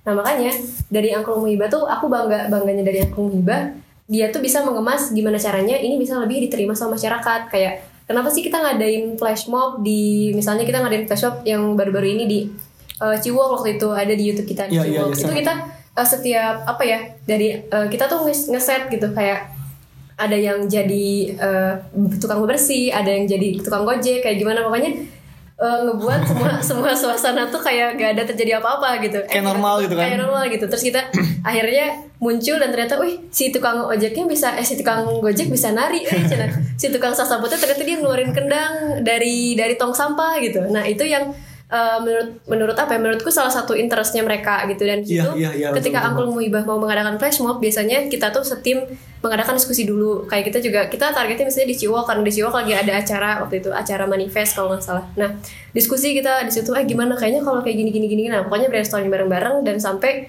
jadi si karya ini. Dan itulah yang menurutku bisa jadi lebih diterima sama si target kita masyarakat. Dan kita juga bisa kayak lebih apa ya lebih memodernkan angklung betul betul mungkin ya. betul. Eh, gitu. dan itu tuh bukan hal yang salah loh. Eh, soalnya tadi kita em, ya kan itu refleksi kita untuk berbudaya tadi kan. Eh, dan kita konversi jadi suatu hal yang modern untuk mereka dengan value yang sama itu caranya gitu. Iya, benar-benar. karena tadi kita nggak bisa ma- masuk ke semua kalangan dengan bentuk yang sama gitu. Iya. mungkin masih bisa kayak misalkan ke kalangan-kalangan yang lebih eh, apa ya dewasa gitu ya. Kayak misalkan bawa angklung interaktif kayak yuk pak bu kita belajar angklung gitu kan. Mainin yang eh, nada ini dan sebagainya masih bisa gitu. Mungkin kalau di luar negeri orang tertarik ya. Iya, karena baru gitu baru kan. gitu. Dan mereka juga emang seneng gitu sama hal yang baru dan kok bisa bunyi kok Iya gitu iya, ya. kok diginin bunyi gitu kan? kalau di Indonesia Iya, iya, kan iya. susah gitu. Nah, Iya, iya, jadi iya. kita menyesuaikan ketika di luar kita juga angklung muhibah ada kok misalnya mengadakan angklung interaktif sama masyarakat yang ada di sana gitu mereka juga mereka nanya how to use uh, uh, angklung gitu misalnya terus uh, ternyata laku tapi kalau kita lakuin ini di Indonesia kan nggak mungkin akhirnya di Indonesia kita membawa atau me- apa ya mengkonversikannya menjadi sebuah karya Iya, Misalnya betul, gitu. betul. karya misalnya karya tadi yang misalnya flash mob di depan Budapest pakai baju hantu misalnya Iya, iya. gitu. itu kan sebenarnya kalau buat orang Indonesia, wih apa nih apa nih gitu kan Iya gitu. iya. Jadi dikonversi jadi suatu hal yang modern, biar orang-orang yang kita sasar itu tuh bisa lebih dapat ya Hmm, iya. atensinya gitu untuk Atensinya. untuk bisa memulai interest dan mereka bisa duduk manis dan lihat gitu ya. Mm, benar-benar Oke. setuju. Semoga terjawab ya eh, Lutfi Arsyad dari respon Giani dan tadi kita gitu untuk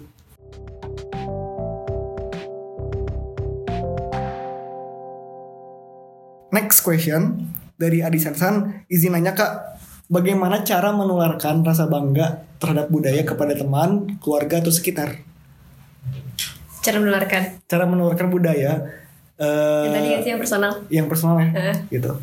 Ya mungkin tadi balik lagi ke basic informasi oh, basic apa? Basic basic what to do yang emang harus kita lakuin ya tadi kita harus bangga dulu sama budaya kita intinya gini sih kalau kamu punya niatan untuk menularkan budaya atau ke rasa bangga kamu atas budaya yang kamu punya ini ke orang lain ya kamu harus bangga dulu. Nggak bisa kayak nih kamu bangga dong sama budaya Sunda. Gak bisa disuruh lah ya tapi tapi kitanya nggak tahu budaya Sunda itu apa gitu. Ya kita harus tahu lah minimal budaya Sunda itu apa. Jadi biar kalau kita menularkan tuh kan intinya kan menularkan tuh adalah dari apa yang kita punya. Iya, ya kan? kalau misalkan kamu tertular dari apa yang harusnya tertular tuh ya berarti datang dari apa yang Iya. saya punya gitu. Jadi saya dulu harus punya rasa bangga itu gitu. Baru bisa di-share ke orang lain gitu kan. Iya, setuju setuju. Dan yang tadi gitu kalau misalkan kita ingin nge-share budaya kita ke orang lain ya jangan paksa mereka untuk ikutin cara kita gitu. Mm-mm. ya biarkan mereka memilih dengan cara apa tapi kita apa ya share informasi tentang budaya ini biar mereka aware gitu. Iya. itu sih kalau dari saya. Iya, iya. dari kamu gimana? Sama sih kalau misalnya biar orang bisa suka ya sama budaya gitu kan sebenarnya balik lagi ke eh, diri sendiri. Jadi kayak kalau misalnya eh, dia nggak suka tapi kita suruh eh kamu suka dong sama budaya gitu. Masa sih kamu sukanya sama budaya Honolulu eh, budaya luar? gitu. Sama budaya sendiri? Enggak itu malah jadi jadi pressure gitu. Jadi pressure buat mereka aja dan mereka malah jadi kayak makin males buat tahu tentang budaya. Tapi gimana caranya kalau kalau kalau menurutku jadi kayak ada pendekatannya sendiri gitu. Jadi kita bukan langsung ngejudge kamu harus suka budaya tapi gimana caranya ngebuat mereka tuh kepo ngebuat mereka tuh tertarik sama budaya kalau yang bisa kita lakuin ya gitu. Kayak contohnya misalnya kita bikin karya yang ngebuat mereka kepo gimana nih eh, kok ih kok lucu ya ternyata angklung bisa kayak gini misalnya. Terus jadi mereka tuh lama kelamaan interest nih sama budaya. Nah akhirnya mereka bisa melestarikan budaya dengan em, cara mereka sendiri gitu in their in their own lah in their own ways lah Iya, iya, betul, betul. jadi akhirnya mereka ah eh, aku pengen ngelakuin misalnya kalau muhibah ngelakuin angklung aku pengen deh eh, seenggaknya aku bikin karya sesuai passionku gitu Betul. aku misalnya karyanya di musik ya udah aku pengen bikin remix musik Eh, misalnya gamelan sama apa budaya misalnya dengan lagunya Blackpink gitu kan Wah, ya iya, apa pun iya. lah jadi sebenarnya bisa jadi hal-hal yang kayak gitu tuh kan muncul dari eh, pancingan ya dari Iya, pancingan iya. gitu jadi ketika intinya lakukan apa yang kita bisa lakukan gitu. Masalah orang lain bakal kayak gimana ya sebenarnya itu urusan mereka. At least kita udah eh, apa ya? Udah berusaha lah. Berusaha gitu udah berusaha. untuk membuat mereka jadi tertarik gitu. Oke. Berarti ya tadi ya eh, jangan paksa mereka jangan paksa orang-orang sekitar kita untuk menggunakan cara yang sama dengan Iya. kita tapi pancing mereka untuk bangga sama budaya kita gitu. selebihnya mah ya gimana mereka? Mereka mau gimana cara berbudayanya ya mereka Karena tahu personal ya. personal gitu. Untuk melestarikan budaya. Nah, next question lagi dari eh Adi lagi. Adi nanya dua kali. eh. Maruk banget. Satu lagi kak katanya. Pernah nggak kakak sempat turun semangat waktu tampil karena kurang dukungan dari orang-orang? Nah, bagaimana nih biar semangat atau naikin semangatnya gitu? gimana ya waktu waktu Pas lagi tampil, pengalaman kamu lah, pas lagi tampil tuh tiba-tiba kayak down, kayak nggak dapat semangat dan sebagainya. Nggak tahu sih. Aku maksudnya kita ya kalau saya sama Muhibah tuh kayak bawaannya seneng gitu. Oh jadi. Widi Widi Widi mau ngomong apa sama ketuanya kalau? Kali kasih. Widi Widi Nggak soalnya emang serius sih kayak misalnya ketika kita mungkin pada saat itu ya kalau misalnya kita tampil di eh, karena gini sebenarnya sesimpel eh, kenapa sih seseneng ini gitu buat nampilin budaya? Entah itu sebagai pemain angklung atau misalnya sebagai penari gitu kan penari. Terus eh, karena karena aku tuh ngebawa budaya gitu dan apalagi balik lagi ya tujuan aku kan awalnya masuk Muhibah tuh karena waktu itu kebetulan kepilih jadi mojang dan aku merasa jadi kayak punya eh, tanggung jawab mungkin ya untuk melestarikan budaya. Dan ketika aku di situ di Muhibah posisinya di penari Sunda ditambah aku mainin angklung yang eh, dari Jawa Barat gitu aku makin kayak ih gila bangga banget gitu. Betul, Eh, betul. terus kalau yang bikin down apa ya mungkin ketika ada yang persiapan dari tim yang agak kurang siap mungkin. Jadi kayak takutnya ini gimana ya bisa bisa proper gak nih? Hmm. Ah gitu. iya iya iya oke oke. Karena kan kadang kalau pas kita latihan juga mungkin sempat ada trial and error lah gitu. Hmm. gitu. Jadi eh, kadang ada juga misalnya kita konser atau apa gitu. Persiapannya tuh ternyata dia mintanya minggu depan atau gimana. Nah, kan kita atau enggak kayak misalnya kalau di luar negeri eh, tiba-tiba besok kita harus mob padahal kita baru aja banget nyampe gitu kan. Hmm. Nah, jadi daunnya tuh kayak cuman eh, yang kayak waktu itu lah di Grand Prix kita nomor urut pertama wah gila ini kan lomba. Langsung gitu ya? Eh, gitu. Aku sempet kayak down gimana nih bisa nggak ya bisa nggak ya? Gitu. Tapi Iya, iya, iya. karena karena si uh, perasaan bisa gaya bisa gaya ini tuh makin ke trigger jadi kayak aku harus yang terbaik. Karena kan semuanya tuh dari mindset ya. Kalau mindset awalnya kita bilang aduh gimana ya aku kan nggak bisa aku belum latihan maksimal aku Hmm. habis dari perjalanan aku capek apa itu kan negatif negatif vibes ya. Itu pasti bakal kita juga malah jadi nggak maksimal. Tapi kalau dari dari awal kita mindsetnya aduh ini kita tampil pertama belum latihan tapi aku pasti bisa aku pasti bisa. Dan itu malah jadi beneran bisa jadi kayak Hmm, nampilin yang terbaik. Pas kita lihat di videonya juga enak gitu dilihatnya gitu. Dan Iya, iya, iya. suaranya suara angklungnya keluar eh, tariannya luwes apa segala macam. Jadi intinya semua datang dari mindset kita gitu Wih. jadi ngeri ngeri ngeri Jadi kalau misalkan nggak semangat ya ubah mindset kita ya. Jangan-jangan malah terku, terku- terkurung sama nggak semangatnya itu gitu. karena sebenarnya yang kadang bikin kita nggak gerak tuh karena mindset jadi kadang orang-orang tuh ya bahkan eh, aku sendiri pun sering rasain gitu ya misalnya kita overthinking nih overthinking kita ngerasa kita nggak bisa gitu apa ada itu tuh dari mindset kadang kita insecure itu dari mindset padahal kalau kalau dari otak kitanya eh, percaya diri ah ya udah aku posting ini aku percaya diri apa gak insecure terus aku pasti bisa itu bakal jadi kejadian gitu kan kadang Iya, ada iya, yang bilang betul. apa yang kita ucapkan itu adalah doa Iya, gitu. iya. jadi ya mindsetnya juga positif biar doanya jadi positif Betul gitu. betul betul. Jadi ubah mindsetnya jadi positif biar jadi semangat lagi gitu ya. Iya, benar. Wow, ini berlaku untuk semua hal ya, nggak Iya, cuma untuk yang budaya dan budaya sebagainya. doang untuk semua hal Nah, nah ada yang mau nanya langsung nih kayak katanya dari forumnya ada yang mau nanya langsung. Coba gimana? eh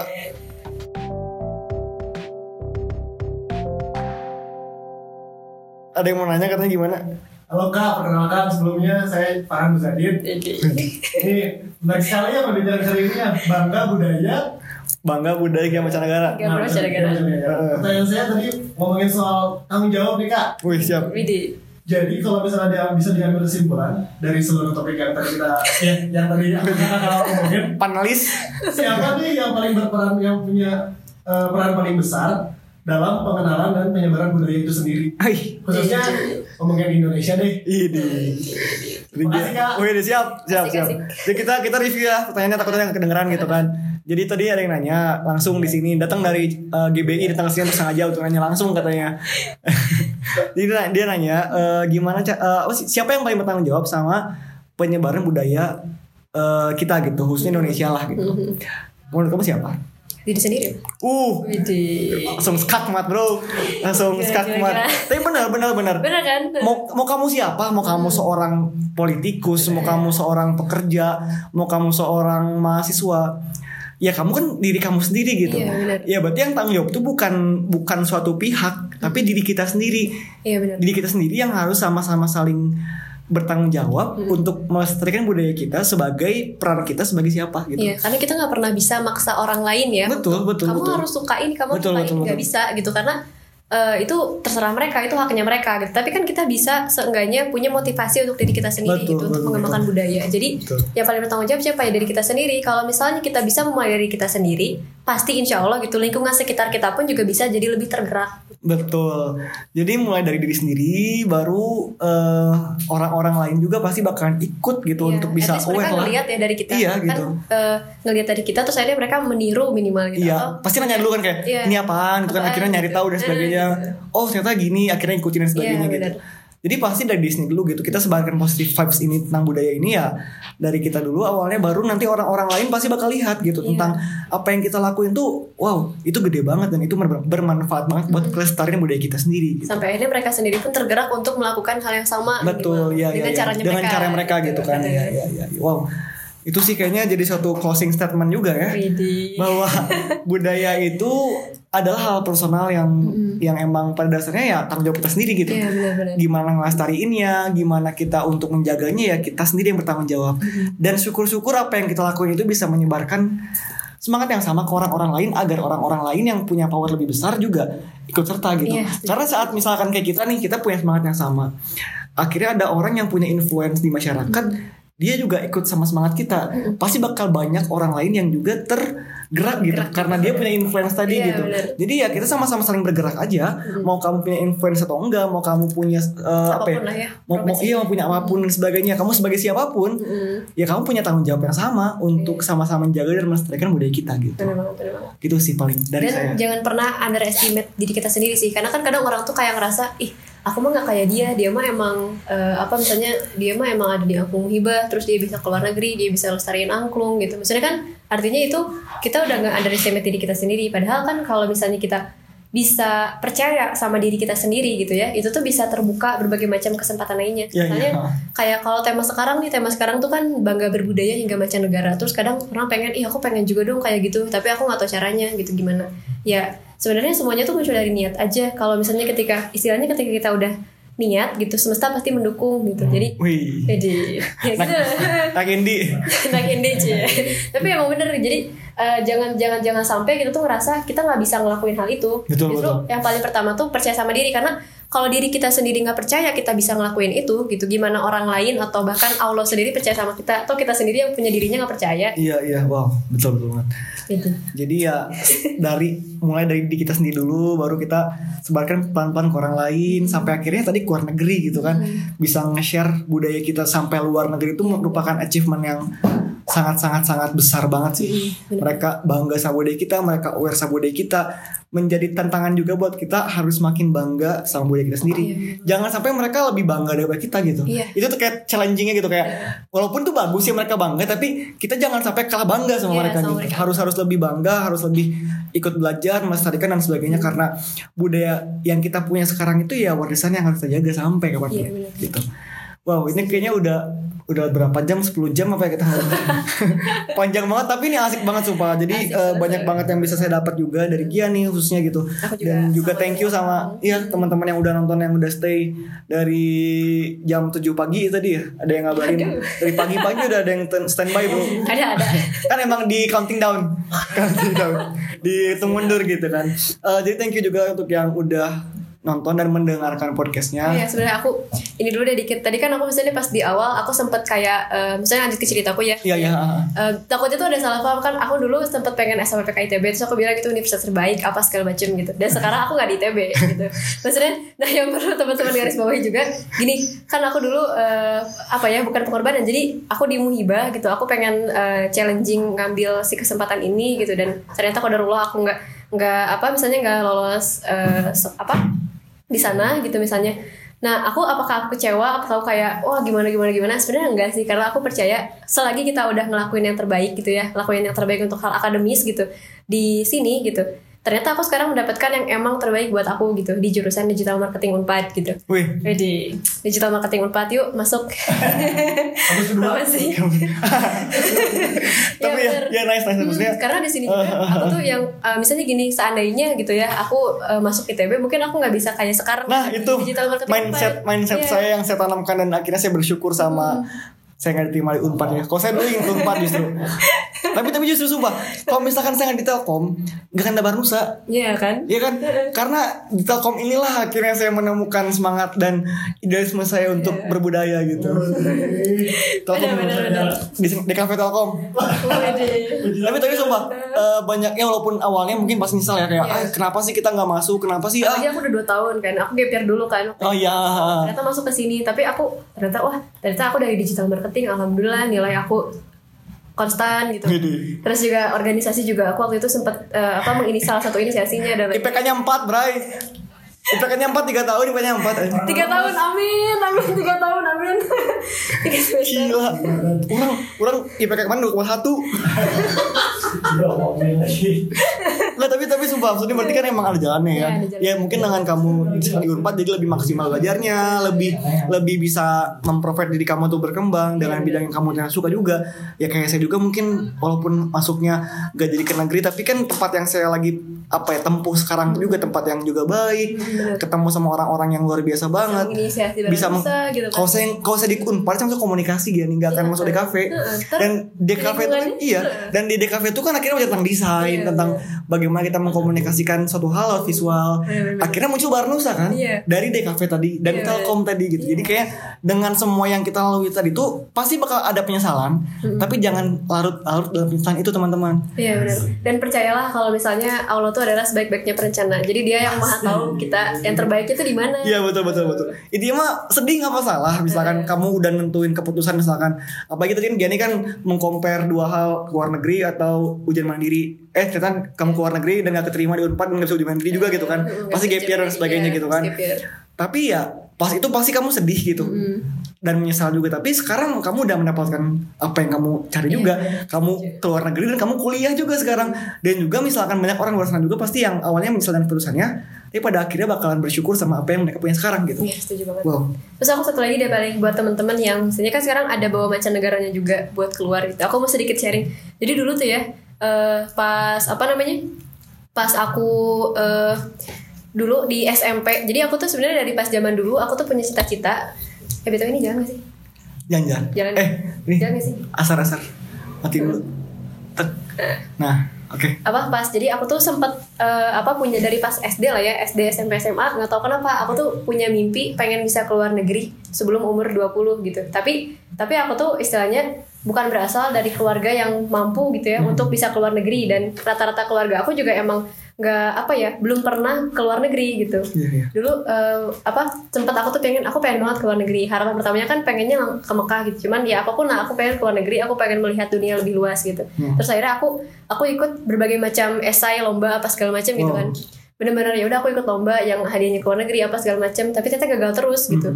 Nah ternyata ta- eh, tanpa disadari gitu dengan aku muhibah yang niat awalnya karena aku mojang gitu mojang pinili dan aku pengen melestarikan budaya aja gitu ternyata dari sini aku bisa eh, keluar negeri secara gratis gitu dan kayak maksudnya ternyata Allah tuh menjawab setiap apa ya setiap niat kita gitu dan dengan iya. caranya masing-masing Betul, eh, betul. dengan ya dengan cara masing-masing gitu. Ter- aku aku kira aku bakal bisa keluar negeri misalnya dari lomba ternyata pertama kali ya keluar negeri dari angkung hibah gitu. Jadi maksudnya di sini kayak apa ya buat teman-teman juga kalau kalian misalnya punya mimpi, punya apa pun itu ya kalian harus eh, berusaha dulu yang pertama gitu. Berusaha semaksimal mungkin cara apa pun dicoba gitu.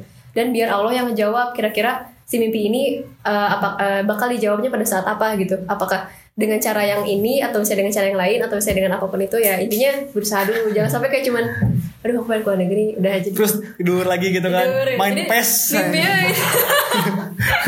gitu lah Iya betul betul. Jadi dia walaupun kita punya eh, mimpi, mimpi yang mimpi yang besar itu ya harus di apa ya harus dilakuin dengan ikhtiar yang besar gitu. Bener banget. Maksudnya jangan kayak aku ingin jadi seorang pengusaha sukses, tapi tapi kerja deh tidur, main PES gitu kan. Ya itu nggak masalah, tapi kalau misalkan kerjanya cuma itu doang ya kapan Iya, gitu, Bro? betul Maksudnya kapan kamu bakal jadi suksesnya gitu kalau misalkan gak ada ikhtiar yang besar gitu. Intinya tadi ya sebanding lah mimpi yang besar itu pasti harus sama ikhtiar yang besar Iya. dan resiko yang besar juga gitu. Terus aku juga pernah denger waktu itu kayak gini. Jadi kalau misalnya kalian pengen traveling atau misalnya ke mancanegara gitu ya, jangan atau ya, tra- ya kayak traveling entah itu ke Indonesia, kayak Opang misalnya atau ke luar negeri apa pun.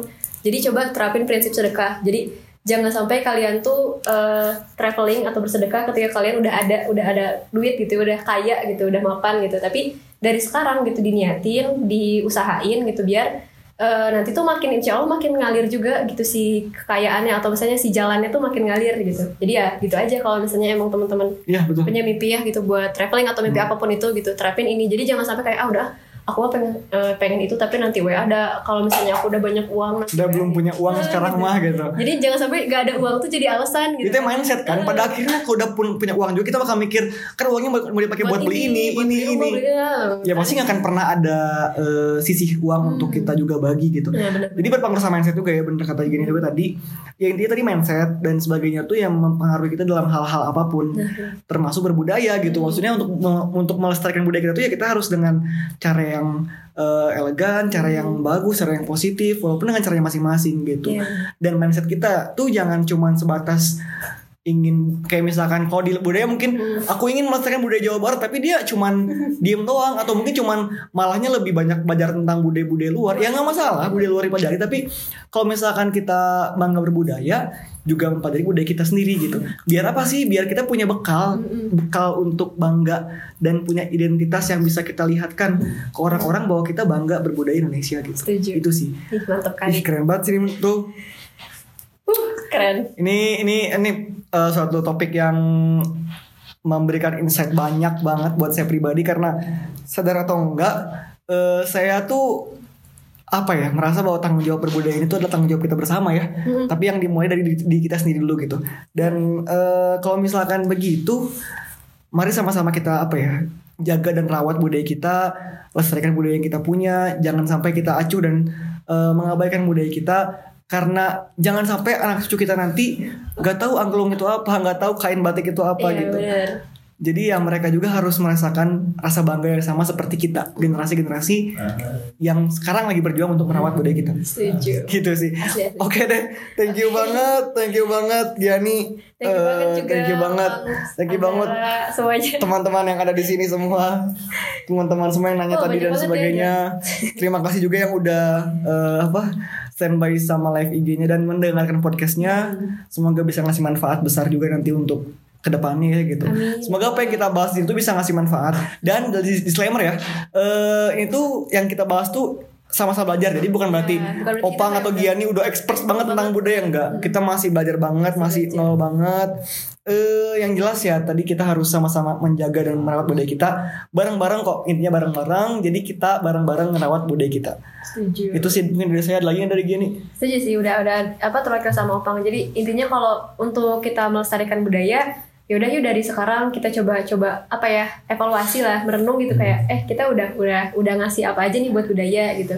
Kalau misalnya apa pun atau eh, setelah kalian merenung, kalian pikir kira-kira langkah paling eh, paling konkret atau yang paling bisa dilakuin apa ya buat kita melestarikan budaya Iya, iya. kayak gitu. Jadi sebenarnya eh, it comes for yourself lah gitu, datang dari diri kalian sendiri gitu. nice Ya. Thank you teman-teman ya. Sampai jumpa di Noki Talkie yang ketujuh berarti dengan pembicara yang juga pasti bakal hebat Ya, banget. bakal hebat. Nanti eh saksikan terus di Alzara Muda dan Alzara Kreatif. Semoga kita bisa terus bertemu lagi di nongkrong-nongkrong berikutnya. Amin. Saya eh, Michael. Udah. Saya eh, Pepita. Waduh. kita pamit undur diri. Terima kasih. Saya mau makan dulu talas Bogor dari mamanya Farhan. Terima kasih mamanya Terima Farhan. kasih semuanya. Makasih banget. Yuk ngopi yuk. Oke, oke, oke. Nih enak guys.